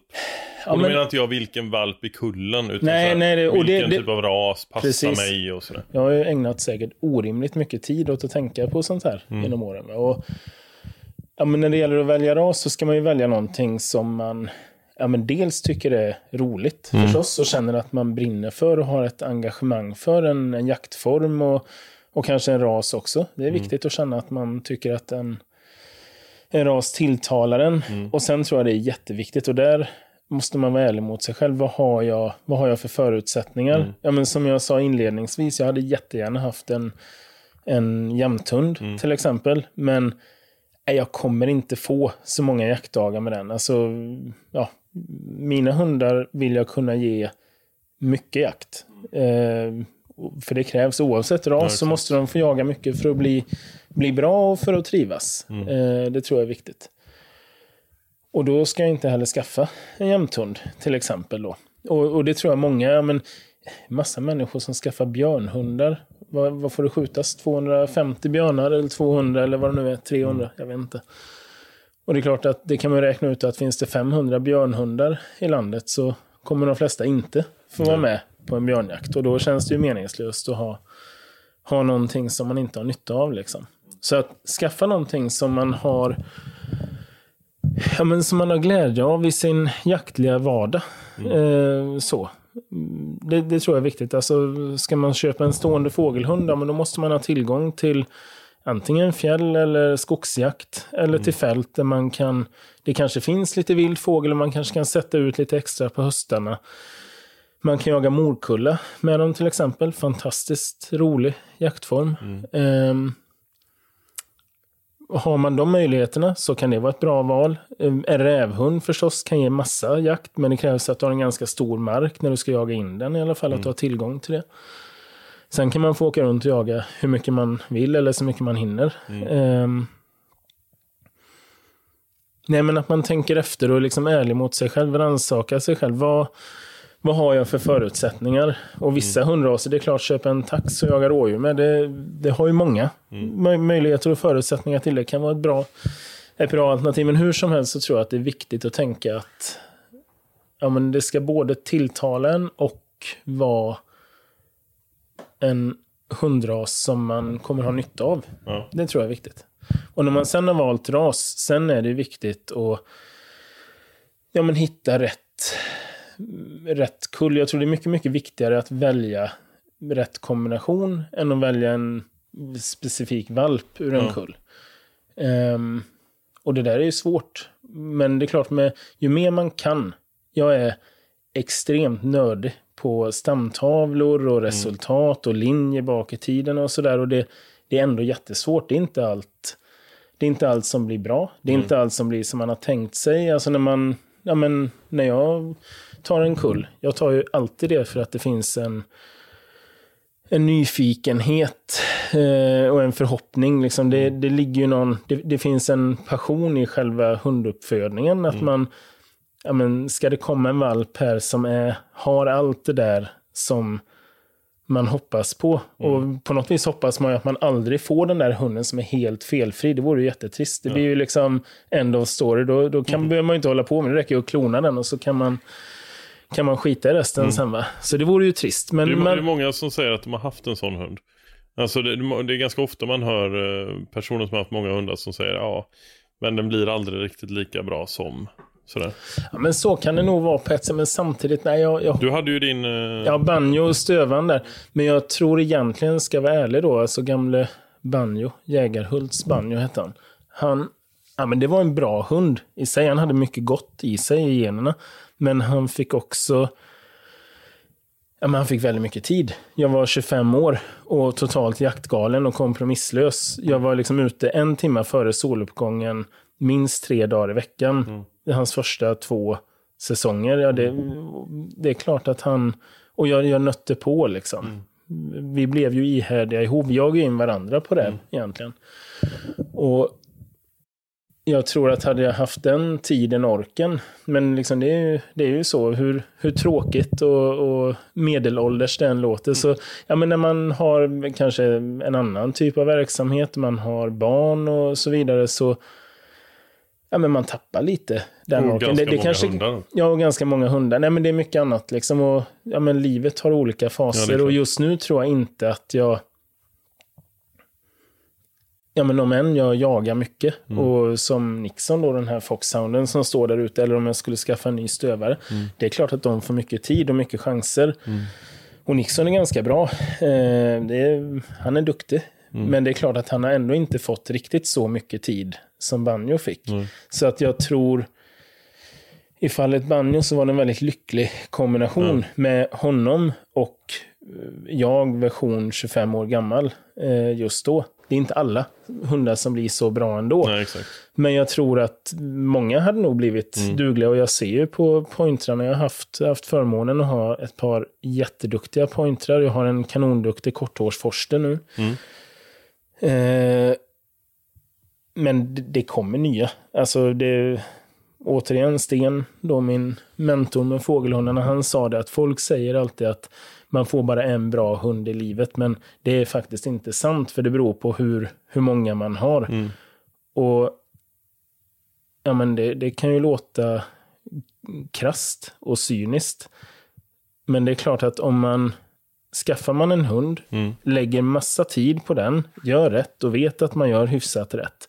Och den blir ändå inte, den har inte jaktlusten, den, den vill inte. Mm. Det är klart att ska man gå och släpa på den i 12-13 år innan man skaffar nästa hund, ja, då hinner du inte med många hundar på, på ett liv. Så enkelt är det ju. Och det är klart att jag har haft en och annan hund som inte har varit så som jag vill ha, men den har jag inte kvar. Den har det bättre än någon annanstans. Mm. Och jag har det roligare med en hund som jag tycker om. Och jag tror att det är, ja, men det är väldigt viktigt att vara ärlig mot sig själv och ärlig mot hunden. Det är mycket roligare, både för mig och hunden, om vi båda två trivs med samma typ av tillvaro. Mm. Det blir väldigt dumt att ha en hund som inte trivs med det jag vill göra, eller vice versa. Utan det handlar mycket om att eh, ja, men se till att ha hundar man trivs med, hundar man tycker om. Eh, och det, det kan låta självklart, men tänker man på det så är det inte riktigt självklart. Jag tror det är många som går och känner sig ja, men, tycker att livet är trist för att de har en hund som inte riktigt vill någonting. Till exempel, ja men den kanske hade haft det bättre som sällskapshund eller något annat. Eller så va. Det, det, sen är det ju olika då som sagt. En del, en del raser är ju säkrare kort Mm. än andra. Ehm, ja, men som jag sa i början också, att man, det finns en anledning till varför vissa raser är vanligare än andra. Så att jag tror rent generellt, när man väl vet vilken typ av jakt man vill bedriva, så ska man titta på vilka är de mest etablerade raserna och sen ska man titta på vilka uppfödare, vilka blodslinjer ligger i topp. Eh, oavsett om det är en älghund, om det är en spaniel, om det är en drivande hund eller vad det nu kan vara. Så identifiera rasen som ligger i topp, linjerna som ligger i topp och så välj en, en valp ur en kull därifrån. Och sen ska man vara ödmjuk inför att alltså du kan ha de bästa linjerna, de bästa hundarna, SM-vinnare, you name it. Det är inte alla valpar som blir Nej. kanonbra, men det är klart att lägsta nivån är ändå betydligt högre i en sån kombination än, än något som kanske inte är lika beprövat. Eh, så. så att det handlar ju hela tiden om sannolikhet, att man, man kan ha mer eller mindre goda prognoser. Mm. Så är det. Hur, har du haft någon blandras någon gång? Nej, Aldrig? nej. Kommer, aldrig, kommer aldrig ha. Det finns ju vissa eh, raser nu som, eh, alltså det finns ju ibland raser överallt såklart, men det finns ju några som verkligen har satt sig. Eh, alltså till exempel den här Cocker Poo, eh, som folk tar 60 000 för en valp för och sådär. Fast nu var det här en jaktpodd va? Nej jag vet, jag vet, men om vi bara skippar jaktbiten en, ett tag. Men likadant där, då känns det ju nästan som att man st- har avlat fram en ny typ av ras. Alltså, Ja, jo, det är klart. hur? Och ska man vara lite syn, det är klart att alla, eller alla, men många av våra hundraser är ju förstås från början en blandras. Alltså våra stövarraser till exempel, det är ju ja, men resultatet av korsningar av Ja, snarlika hundar och sen så Ja. cementeras det. Sen kan man ju säga, det är klart för 100 år sedan, 150 år sedan när många av de raserna skapades, då, Mm. då bedrevs hundavel på ett annat sätt av folk som hade helt andra medel. De hade ett enormt antal hundar och de gallrade skoningslöst bort allt som inte höll den standard de ville ha. Eh, jag tror att det är väldigt svårt att skapa en ny ras idag och få en jämnhet i det. Det tror jag. Jag tror inte, jag tror inte folk hade rätt ut det. Nej. Men jag, jag, kan, jag kan väl känna, men det var någon som inte jagar, alltså någon bekant, jag vet inte, granne, släkting eller vad som helst. Jag hade någon valp, om det nu var Uffes kull till exempel. Oh, ja, fina valpar och liksom, ja, det blir väl gött att få in pengar på dem. Jo, jo, men det blir ju, ska man räkna på vad det kostar att ha en hund och fixa och dona så blir det liksom inte, det är ingen, det är ingen magisk vinst i slutändan på sista raden eh, ändå. Och så sa vederbörande ändå, ah, du borde ju föda upp såna här cockapoo eller labradoodle och allt vad det heter då. Jo, jo. Så alltså det är klart att ska man tjäna pengar så kan man göra det, men man ska kunna se sig i spegeln också. Jag, Nej, jag hade haft väldigt eh, svårt att ta... Jag kanske tar mig själv på för stort allvar. Nej, men jag, men jag, men jag, Nej, men du tar men jag hade tagit... Jag hade tagit... Du tar ju eh, liksom aven på allvar. Jo, men det gör jag, Det känner jag ju mig väldigt trygg i. Eh, som, som köpare utav Uffe. Eh, och, och jag, jag resonerar ju precis som du. Och jag tror att väldigt många som jagar gör det. Sen så vet man ju att det finns ju ganska många idag som blandar två raser med någon form av förhoppning att, det, att liksom valparna då ska få eh, det bästa av varje, eh, varje ras. Och så blir det ju inte alltid såklart. Men precis som du säger, där någonstans så tar ju av en slut. Det blir liksom stopp Ja, men det gör ju det. Och, och som sagt, alltså med, med en ödmjuk reservation inför att så är det även med, med renrasig avel. Alltså, Mm. Inte att det tar slut, men det är oerhört svårt. Alltså, Mm. ja, men ju mer man håller på så är det väl med allt. Och för min del då, som håller på med, med jakt och med jakthundar, så blir man ju ja, men på ett vis blir man mer och mer trygg i liksom vad man tycker och tror och tänker och sådär. Men man blir också mer och mer ja, men skeptiker och ödmjuk. Alltså när man Ja, men när man skaffar sin första hund eller man börjar med det så är man så tvärsäker och du vet det här är si och det här är så och detta är rätt och detta är fel och de linjerna är bra och de där linjerna är dåliga. Alltså man, man är väldigt kategorisk. Det ligger väl i nybörjarens, ja men man, man Ja, blir exakt. lite stursk tror jag. Ja, Okej. Eh, ja, men det, Mm. Och det upplever jag många, många som ringer och frågar om en Ja. kull. Alltså de, de har alla svaren. De vet Mm. precis hur den ena och den andra hunden är och hur linjen är. Och det är fasen inte enkelt. Alltså. Nej. Det är jättesvårt. Och man, ja, men det är ju ingen som håller på med hundavel som vill föda upp dåliga hundar. Alla vill ju förstås föda upp bra hundar. Sen kan ju det variera. Ja, men för min egen del, jag vill föda upp hundar som har väldigt mycket i sig. De behöver inte vara... Jag, ja, men jag vill aldrig ha en foglig hund på bekostnad av jaktlust. Nej. Det tror jag att somliga, oavsett ras, går lite fel i.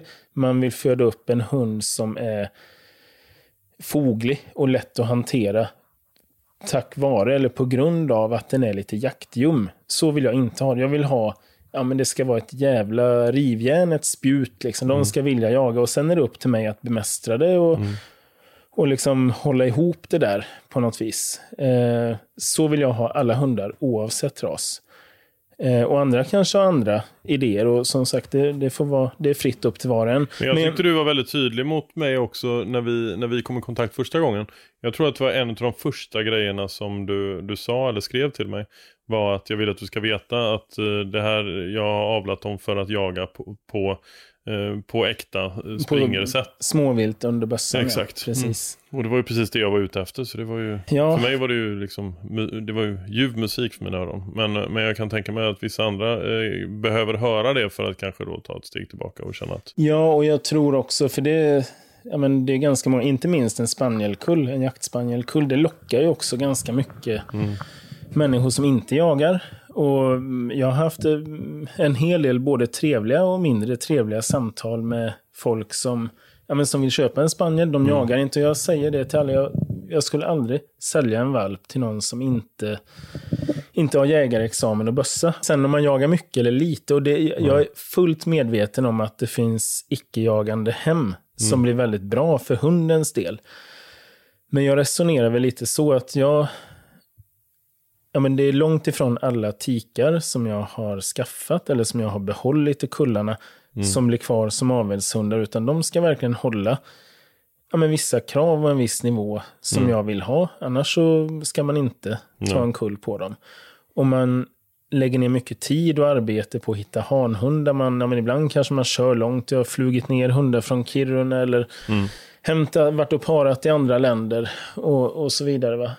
Och allt det där gör man ju för att man vill få fram bra, ja men, bra mentalitet och sunda hundar, men också bra jakthundar.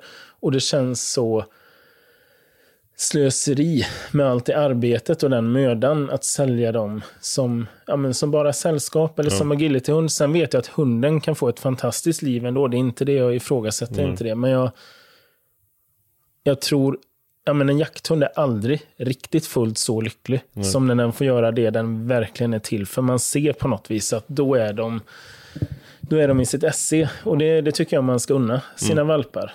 Så att, eh, och många har förståelse för det och en del har inte förståelse för det. Nej. Men det, nu bedriver vi ju inte en välgörenhetsverksamhet utan vill folk skaffa en hund så får de göra det någon annanstans i så fall. Jag menar det bästa sättet att kunna följa eh, en hund och utvecklingen och resultat är ju jaktprov. Det är väl det minst dåliga. Mm. Alltså det är klart att det bästa är att se hundarna mycket under praktisk jakt och mm. ge dem men det, det, är ju svårt Motsvar, det, det blir ju, tillbaka. Precis, Men utan man, man, det är jaktprov vi har. Och, och, jag står ju då i ett läge där jag, eh, jag kommer att gå jaktprov mm. med Uffe. Eh, det är ju någonting jag verkligen vill. Eh, hur, eh, hur tycker du att man ska tänka där? Vad, när är liksom, jag antar att det är väldigt mycket från individ till individ. Men eh, vilken ålder brukar vara liksom eh, så här, första jaktprovet man går? Eh, vad, vad, vad, hur brukar du tänka? Ja, men nu, nu ska vi vara ärliga då. Jag har ju bara haft egentligen två spaniels, en kocker och en springer. Och båda två har ju blivit bra och jag har haft någon kull på båda. Och hoppas ju att fortsätta med de linjerna.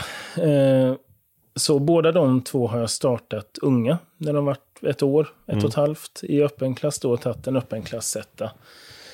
På det, ja men har man gjort rätt Kan inte du göra så här, att du förklarar för lyssnarna, för det finns nog faktiskt många som lyssnar som knappt vet vad ett jaktprov är. Mm. Om vi liksom tar bara gru grunden när du säger öppen klass till exempel, och en etta. Hur, berätt, berätta vad, vad, vad det är för något. Ja men alla renrasiga jakthundar har ju någon form av ett bruksprov, liksom ett jaktprov då, där man bedömer deras egenskaper. Och det, I den bästa av världar så ska det ju egentligen bedömas så mycket som möjligt av det som är hundens inneboende egenskap. För det är klart att en, en hund som får massa förutsättningar bör ju rimligen bli bättre än en som inte får så mycket förutsättningar. Mm. Men på ett prov så är det klart att både hundens erfarenhet, dess naturliga anlag och förarens erfarenhet mm. spelar in. Är man en duktig dressör och man har bra förutsättningar så ska det rimligen kanske gå bättre oftare än som inte är så kunnig eller inte har samma möjligheter som jag är tacksam för att ha just mm. nu. Då.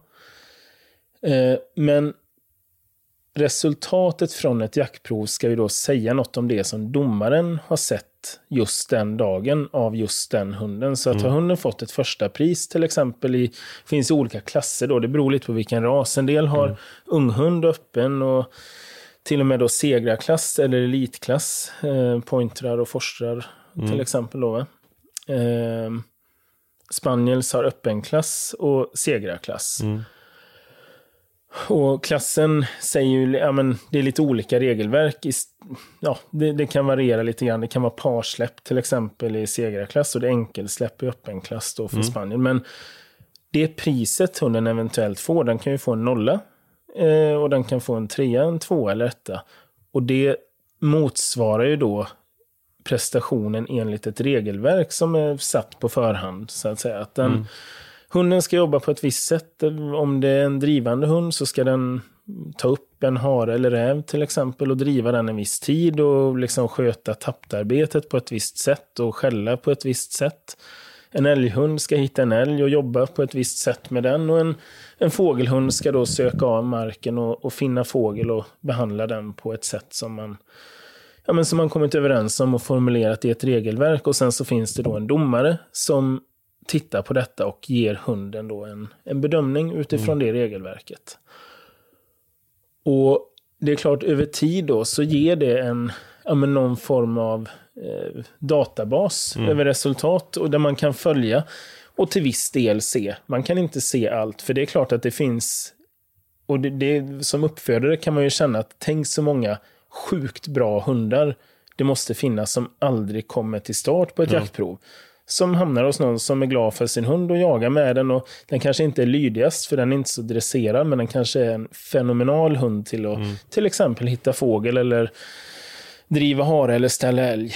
Eh, då. Men den syns aldrig. Och det, det, är klart att så, så är det. Det kommer vi aldrig komma ifrån. Men jaktproven är det, är det enda officiella mätverktyget vi har för att bedöma individens prestation och egentligen då i förlängningen bedöma hur föräldradjuren har ja. lämnat i aveln. Det är egentligen det som är det intressanta. Så det ger ju en, någon form av bedömning på hur föräldrarna har lämnat och det ger då på sätt och vis kanske en prognos om mm. vad, vad, kan vi förvänta oss av den här individen. Och det är klart att ju högre pris och ju lägre, alltså, ju lägre ålder, mm. desto mer värd kan man ju säga att den är. Sen kan ju inte hunden hjälpa om den inte blir startad förrän den är fem år gammal. Nej. Den kan ju varit lika bra när den var ett och ett halvt mm. eller så. Eh, så det finns ju förstås massa sådana källor som man ska ta i beaktande också. Så det är inte bara, man kan inte bara se till provmeriter, mm. men det, det, ger, ja, men det ger ändå en bild av individen och mm. av linjerna. Och i synnerhet om det finns många kullsyskon till exempel som också är meriterade, ja, men då kan man ju tänka sig att det här är en bra och jämn kull mm. som ja, men, om man då skulle ponera att man skaffar en valp efter föräldradjur som kommer ur jämna, högt meriterade kullar, mm. ja, men då på pappret så, så bör det bli ganska bra valpar efter dem också. Och om, om du märker att uh, en uh, valpkull då håller väldigt hög standard mm. uh, efter ett och ett halvt, två år. Händer det att man gör en, en likadan parning som tidigare? Alltså på... Nej, jag gör aldrig det. Nej. Faktiskt. För jag tänker att det tillför ju liksom ingenting. Nej. Det, det är klart, rent kommersiellt hade det kunnat vara lockande att upprepa en parning. Eh, för det är klart att då skulle man kunna saluföra valparna med att det här är samma kombination som producerar landets bästa kull av den här och den här rasen i fjol. Men det, det ger ju inget nytt. Nej. Utan avel handlar ju om att ja, men det man vill ju se en progression. Man, man vill ju på något vis komma framåt eller okay eller förbättra. Även i den bästa av kullar så finns det ju saker man kanske önskar mer av eller sådär. Så att för, för rasernas bästa och för att liksom bredda, bredda möjligheterna inom rasen och bredda mm. möjligheterna för sig själv i aven i framtiden så är det ju bättre att använda en ny hane mm. på den här tiken som okay. lämnas så bra då. Går det att säga vad som går mest ner i generna? Alltså om det är eh, tiken eller hanen? Är det alltid liksom mix-mix eller kan, kan man märka att så här, den här tiken, hennes kullar blir alltid fantastiska oavsett, eller förstår du vad jag menar? Ja, och, och till, alltså man pratar ju om starka nedärvare. Ja. Eh, och, och, det är klart att det finns ja, men det finns nog individer som i vart fall är det vi ser. Alltså mm. det vi kallar fenotyp på biologspråk eller så. Alltså det vi ser, den produkt vi ser som ju både är en produkt av gener och en produkt av miljö. Så kan man nog se att vissa individer har mer genomslag än snittet. Um, men det är klart, rent genetiskt så får de ju lika mycket gener från mamman och pappan. Ja. Eh, ja, men man hör jättemånga så här goa hobbyteorier som ju, ja, men de kan ju vara baserade på att man har haft en kull eller två eller fem och tycker då att ja, det är ju hanhunden som har slått igenom eller tiken som har slagit igenom. Och så säger man att ja, men de får 75 procent från tiken, du vet, det är det viktiga. Och så, där. och så är det inte, givetvis. Utan hundar har ju precis samma genetiska funktion som alla andra sexuellt fortplantande varelser. Att de får 50 procent av generna från mamman och 50 procent från pappan. Eh, däremot är det ju så att tiken påverkar en del i sin fostran av valparna. Det, det tycker jag man kan se. Man kan Ja, men jag vet, jag hade en pointertik som jag köpte från Danmark som var, ja, men hon var god. Det var en bra hund. Men hon var värdelös på att fostra valpar. Jag hade, På vilket sätt då? nej men hon var inte, Hon var inte intresserad? nej, oh, men hon, hon styrde liksom inte upp dem. Aha, okej. Ja, men både Molly och Nora till exempel, pointen som ligger ute i hallen nu och är tjock och ska valpa vilken dag som helst. Men de är goa och snälla. De leker med sina valpar, men de kan också säga till dem. De styr upp dem. De håller lite styr. Och en del tikare, ja, men de, det blir väldigt ouppfostrat. Och, och det, det tyckte jag mig nog kunna se på den där danska pointertikens valpar, att de blev lite odrägligare. På något vis. De hade aldrig fått lära sig och liksom underordna sig på något vis när de var små då. Jag vet inte, men jag, det, det, kan, jag- det kan jag tänka mig att tiken i, i liksom sin fostran av valparna, så då kommer det blir ju miljö, så att säga. Men eh, det genetiska arvet är givetvis 50-50. Sen kan vi ibland se, av det vi ser, kan vi se mer av tiken eller hanen. Men det är klart det är mycket vi inte ser. Eh, åter till eh, jaktprov bara, för jag vet att eh, dels så dömer du själv. Eh, men men vad är det för typ av hundar? Jag är domare för brittiska stående fågelhundar, alltså sätter raserna och pointer. Och sen så vet jag att eh, alltså marken du har här eh, används för jaktprov. Ja, men jag har haft en, en hel del prov, både för stående fågelhundar och för spaniels. Eh, så, så att, och det, det kommer vara några i höst igen då. Och, och den typen av, hur, hur går det till rent fysiskt? Eh, Ja, men i grund och botten ska ett jaktprov vara, det ska vara en praktisk jakt Ja. egentligen. Eh, där man går ut och ja, låter hundarna jobba på det sättet som de är tänkta att arbeta och bedömer dem utifrån det. Och det beror det är ju lite olika. En, en älghund eller en stövare eller drever, de, det är ju ett, det är en hund och en domare och en hundförare. Man går ut och släpper och sen bedömer domaren hunden då. Tar man fågelhundarna så är det ofta flera hundar med. Så att man kanske går två och två eh, parsläpp och ser då vilken hund som, ja, men som är bäst för dagen. Till exempel den hunden som är mest effektiv, springer bäst, hittar mest fågel. till exempel. Då. Men i grund och botten så försiggår proven som praktisk jakt. Mm. Och det ju, har ju då syfte att bedöma hundarnas egenskaper hur länge håller man på ungefär? ett spanielprov eller ett prov för stående fågelhundar, de är ju snarlika i sitt upplägg och då går man ett släpp. Kanske 10 minuter, kanske 20 minuter och sen så får man koppla och så går andra och sen kanske man får ett släpp till och ett släpp till till exempel. Eh, tills man antingen har gjort det man ska, man kanske, hunden har hittat de fåglar man tycker den ska hitta och den har skött sig. Och då kanske man får ett första pris eller så har hunden kanske går för dåligt. Eller den är olydig. Den hittar på hyss som den inte får göra enligt reglerna och då åker man ut. Då får man ta kepsen i hand och åka hem istället. Och om det händer, hur tycker du att man ska agera då? Ska man liksom... Eh, är det, jag antar att man aldrig ska ge upp, utan, men, men eh, någonstans så kanske man ska förstå eh, ens egna och hundens begränsningar till slut Ja, men också, man eller? ska ta med sig det där. Och jag kan ju... Ja, men som sagt, det är inte så himla länge som jag har hållit på med detta. Jag Nej. har ju... Ja, men jag har väl gått lite all in i det. Jag köpte som sagt min första pointer. Jag hade startat någon tysk jaktterrier tidigare. Ja. Eh, och eh, även banjo, den här stövan, hade jag startat och tagit någon första pris på rävprov innan. Men jag var inte erfaren på jaktprov. Jag köpte den där första pointen av Sten Rönneling då med, och, och, sa att jag ska inte starta på något prov, jag ska ha en jakthund. Mm. Men han hade ju anmält den redan till något prov mm. och sådär och drog med mig på det. Och, ja, men då såg jag ju att han gick ju rätt bra. Han var ju mm. alltså, ja, man har ju ögon att se, men även om jag var part i målet och subjektiv givetvis, så tyckte jag att han var rätt duktig. Men han var ju olydig. Va? Mm. Och det är klart att då var jag, hur gammal var jag? 27, 28 någonting. Mm. Ja, men jag var väl kanske lite hetlevrad. Så. Jag blev väl lite besviken när det inte gick som jag ville och, och sådär. Eh, man lugnar väl sig lite med åren förstås, men det ligger väl någon sorts mm. tävlingsdjävul och lurar där bak liksom. Så det är klart att jag, ja, men jag var besviken ibland. Eh, du har en liten skvätt av den här cockroach syndrom. Ja, nej, nej, nej, nej. Det, det, det, skulle jag inte vilja påstå. Det är något annat.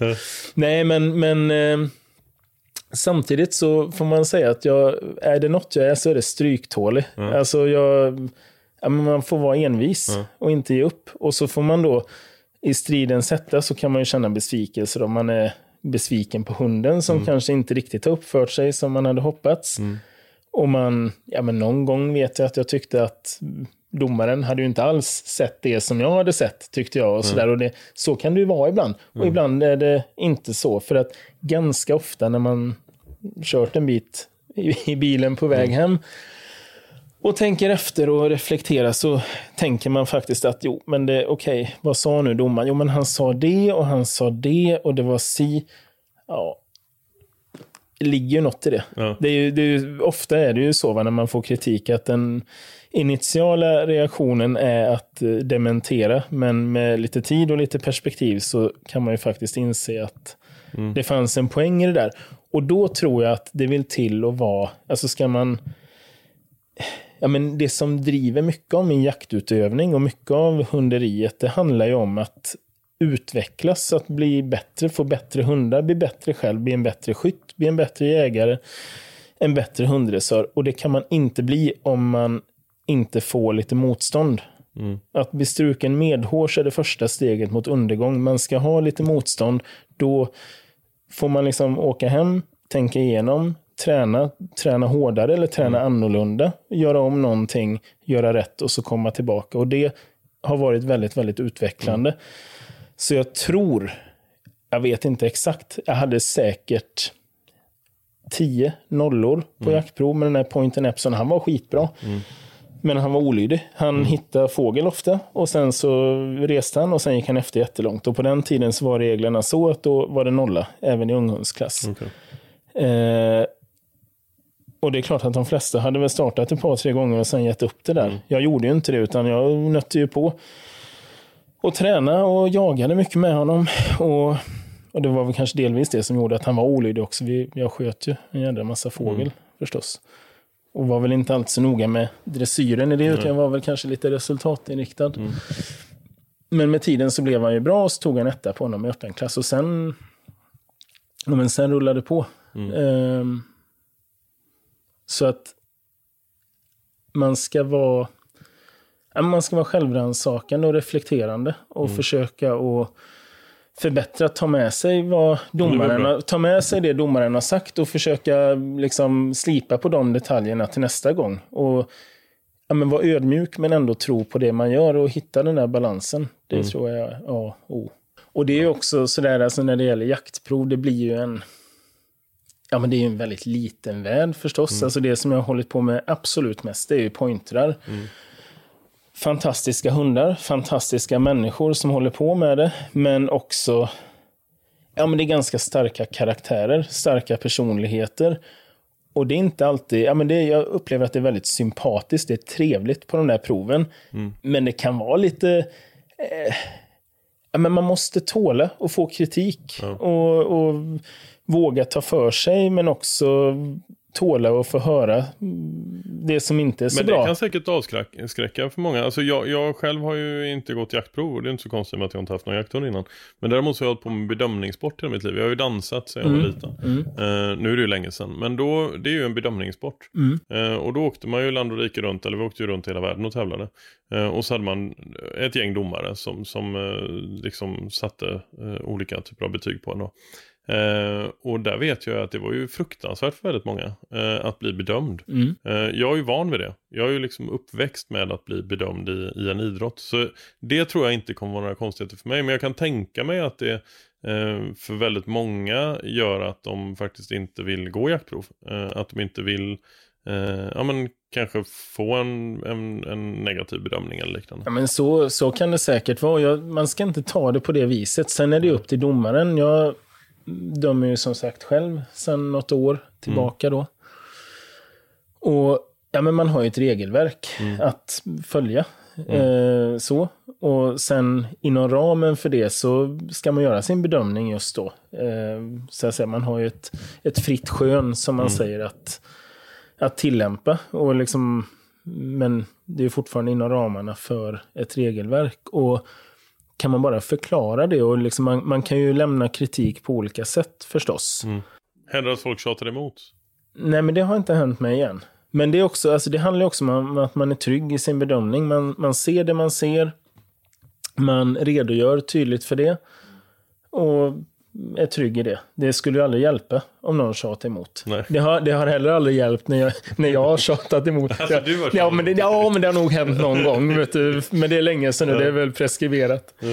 En, en kompis, Daniel, som är en jätteduktig kille med setter och domare. Han brukar skratta och berätta om någon episod när jag slängde kepsen i backen. Det var inte snyggt. Det ska man inte göra. Men det var han som dömde. Och jag åkte ut. Ja. Med rätta, förstås. Men, Men du fick komma tillbaka då? Efter. ja, jo, jo. Vi, Elfte gången vi, ja, vi är vänner. Så Ja. att, eh, Ja, ja. Nej, men, men som sagt. eh, Det är upp till domaren att lämna en, en kritik förstås. Som, alltså kan, man, kan man redogöra för det på ett sätt som gör att man som hundförare förstår. Mm. Ja, men då blir det ju tydligt. Och, och ofta finns det ju något positivt att ta vara på ändå. Det kan ju vara en hund som varit aldrig så olydig. Men Mm. den, kanske, den kanske går fantastiskt. Den springer som tusan och uppvisar massa bra egenskaper. Men tyvärr, den sprang efter en hare för långt. Eller den, alltså, och det är bara att... Man, man kan ju ta upp det positiva också. Ja, man visst. behöver inte bara säga att det här var en olydig hund. Utan man kan ju faktiskt lyfta fram det som är bra med den också. Det, det jag tror ser jag. ju fram emot eh, att komma hit ganska ofta Muffe. Ja, du är välkommen. Eh, och så, eh, Vi ska ha lite hyss Ja, det ska bli skitkul. Mm, tycker jag med. Eh, Och så får vi se när eh, han och jag då är redo för att gå vårt första jaktprov. Jag tror att man ska, ja, men när, när man, precis som det här att man inte ska begära något av hunden som man inte tror att den kommer fixa. Så ska man heller inte starta på ett jaktprov om man tror att det kommer gå åt helsike. Liksom. Men om man tror att hunden klarar det, då ska man starta för det är också utvecklande. Eh, ja, men dels tränar man lite hårdare kanske och lite bättre just för att man har en, en, ett datum till exempel för ett prov. Och, och man lär sig, man träffar folk, man ser andra hundar, man får kritik för sin egen mm, hunds prestation från domaren, men man får också höra domaren berätta om andra hundar. Ja. Och jag tror att många som är gröna på det tror, ja men fågelhundsproven då, även andra, andra raser säkert också, de tror att det är så himla märkvärdigt. Och svårt och hårt och krävande. Och ja, det, det kan tyckas ibland, men i, som i unghundsklass till exempel, för de stående hundarna så är det ganska Ja, men det är ganska liberala eh, regler. Man ser till hundens inneboende egenskaper och det är inte det är inte hela världen om den är lite olydig ibland. Till exempel. Så jag tror att många hade haft väldigt gott av att våga starta om man har en hyfsad lydnad på sin hund. Eh, både stötande och, och, och stående eh, fågelhund ingår alltid eh, apportering i, i jaktprov. Ja. Så eh, det sätter ju också lite press på skyttarna. ja, men det är lite olika regelverk. Ja. Ehm, där. Med, med de brittiska stående så krävs det inte fällning, utan bomma skytten, eller vi säger att eh, Du kanske går ett prov i september och hunden Mm. hittar en fasan. Fasanen är inte lovlig. Då skjuter du i luften och sen lägger du ut en apport Ah, okej. istället. Eh, och det påverkar inte prisvalören som hunden Nej. får ett dugg. Eh, för forsterraserna så vill man helst se en fällning för att de ska kunna få de riktigt höga betygen. Mm. Eh, men du kan ändå få pris även om det inte blir en fällning. Okej. Eh, och få ett ganska bra pris ändå. När det gäller spaniel däremot så måste det fällas fågel. Du Mm. måste ha en stöt och du måste ha en, i vart fall en apport Mm. på en fälld fågel. Så att, skulle det kunna vara så att det fälls för en annan hund men du får komma in och apportera. Då Mm. kan du ändå få ett pris. Men det är lite olika, eh, olika regelverk. Så. Du har ju varit med om väldigt mycket, eh, gjort väldigt mycket och gör väldigt mycket. Eh, och det känns som att du drivs väldigt mycket som person av din passion. Alltså jag tror att väldigt många är lite sotis på det, eh, för att de själva kanske inte vågar.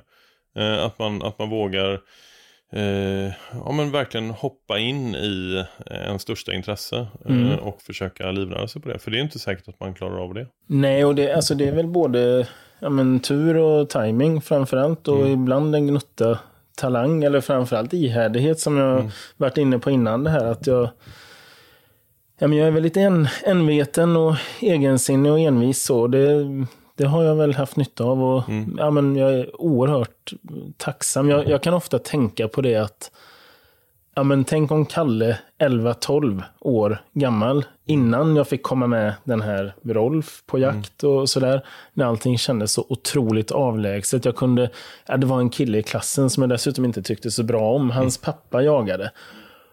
Och jag, var så, jag, jag kände en sån, eh, ja men nästan ful avundsjuka på den där grabben. Han var inte jaktintresserad. Jag tänkte liksom, tänk att få komma med ut på riktig jakt, du vet. Och, ja, men, sådär. Det, det var liksom allt som det kretsade om. Och drömde förstås om att ha en egen mark och så vidare. Och, ja, men med tiden så har ju det där rättat sig till.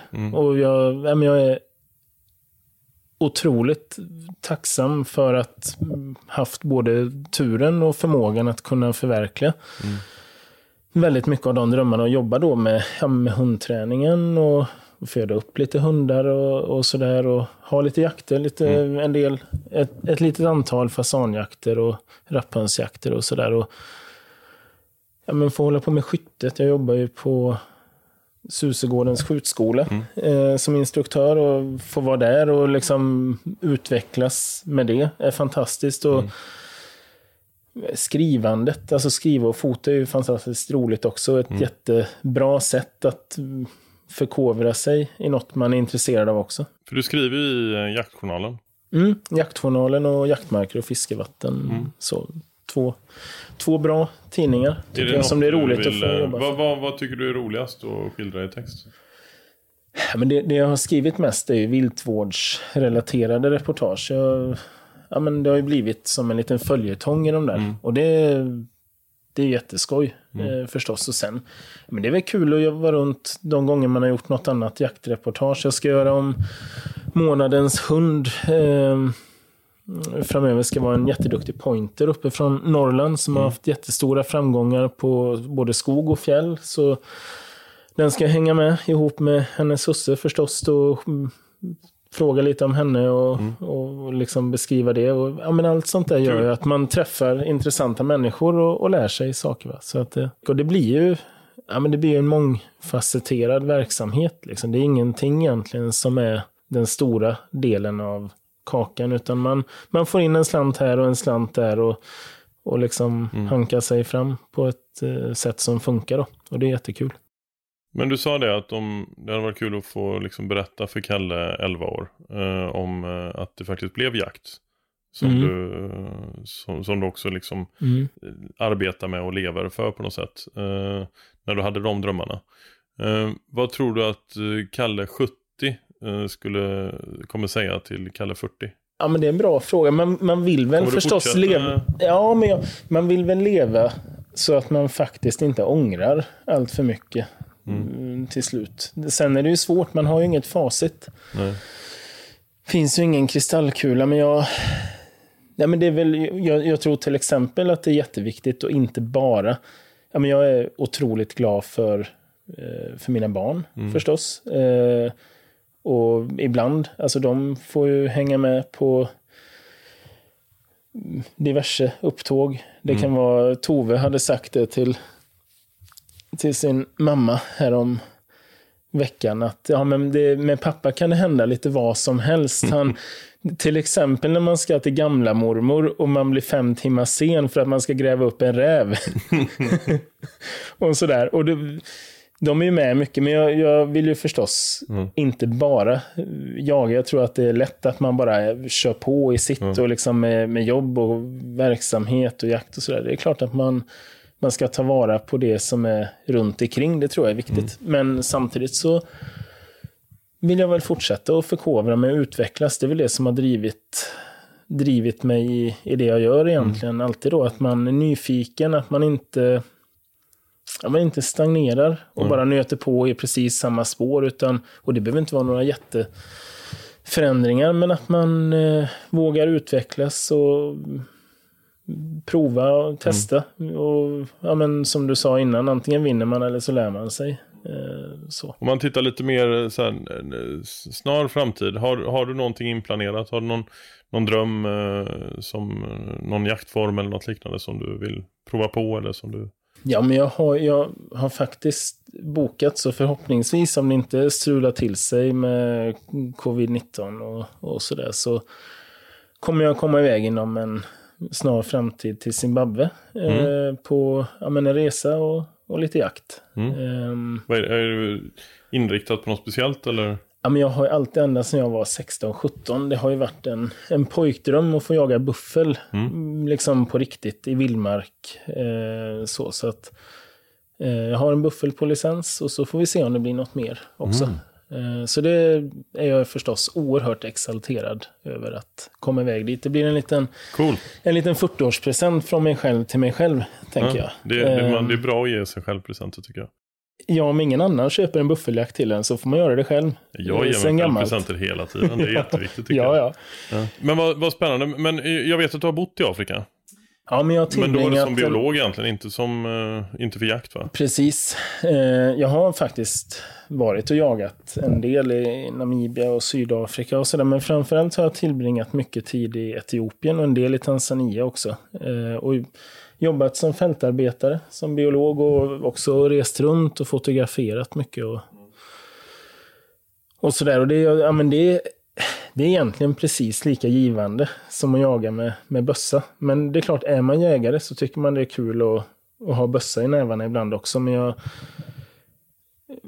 kan ju med, med stor liksom värme minnas de där tiderna. Det var ju otroligt spännande. Jag var, vad var jag, 23, 24.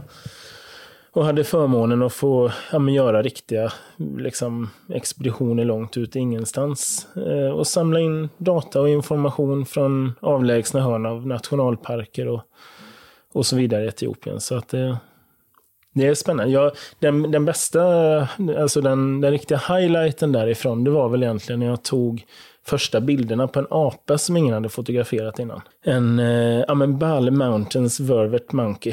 Eh, en, ja, men som en lite kortsvansad, raggig markatte som lever i bambuskogar i södra Etiopien. Den var aldrig fotograferad. Den letade jag upp och tog första bilderna på sådär. Och sånt, ja men den där typen av eh, av vistelser i, ja, men på platser som man kanske inte hade åkt till annars. Det, det tycker jag är otroligt givande. Så det hade jag väl gärna gjort mer av i framtiden. Nu har det varit väldigt mycket jakt och hundar och det kommer det alltid vara. Ehm, men det hade varit kul att kunna göra det och barnen är lite större. De kanske kan hänga med på en del saker också. Att man får, får ge dem eh, lite sådana upplevelser och, och erfarenheter också. Tack snälla eh, för att jag fick eh, prata med dig. Vi, vi kommer ju ses mycket mer, för jag kommer ju hänga här hela tiden med Uffe. Eh, så mig blir du liksom inte av med. Eh, men tack för att du ville vara med i podden. Eh, jag, jag har lärt mig jättemycket och jag hoppas att eh, alla som lyssnar också har gjort det. Nej, men jättekul att få vara med. Kul att ha dig här.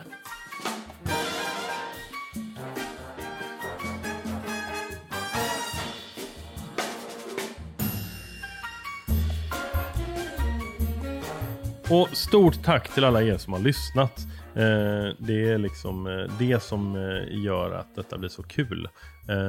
Dels så är det ju roligt för mig på samma sätt som jag tror att det är för er att träffa mina gäster och lära mig och inspireras utav dem. men att jag vet att det är väldigt många där ute som lyssnar på detta gör det ännu roligare. Så tusen tack för det. vi ses om en vecka. Hej!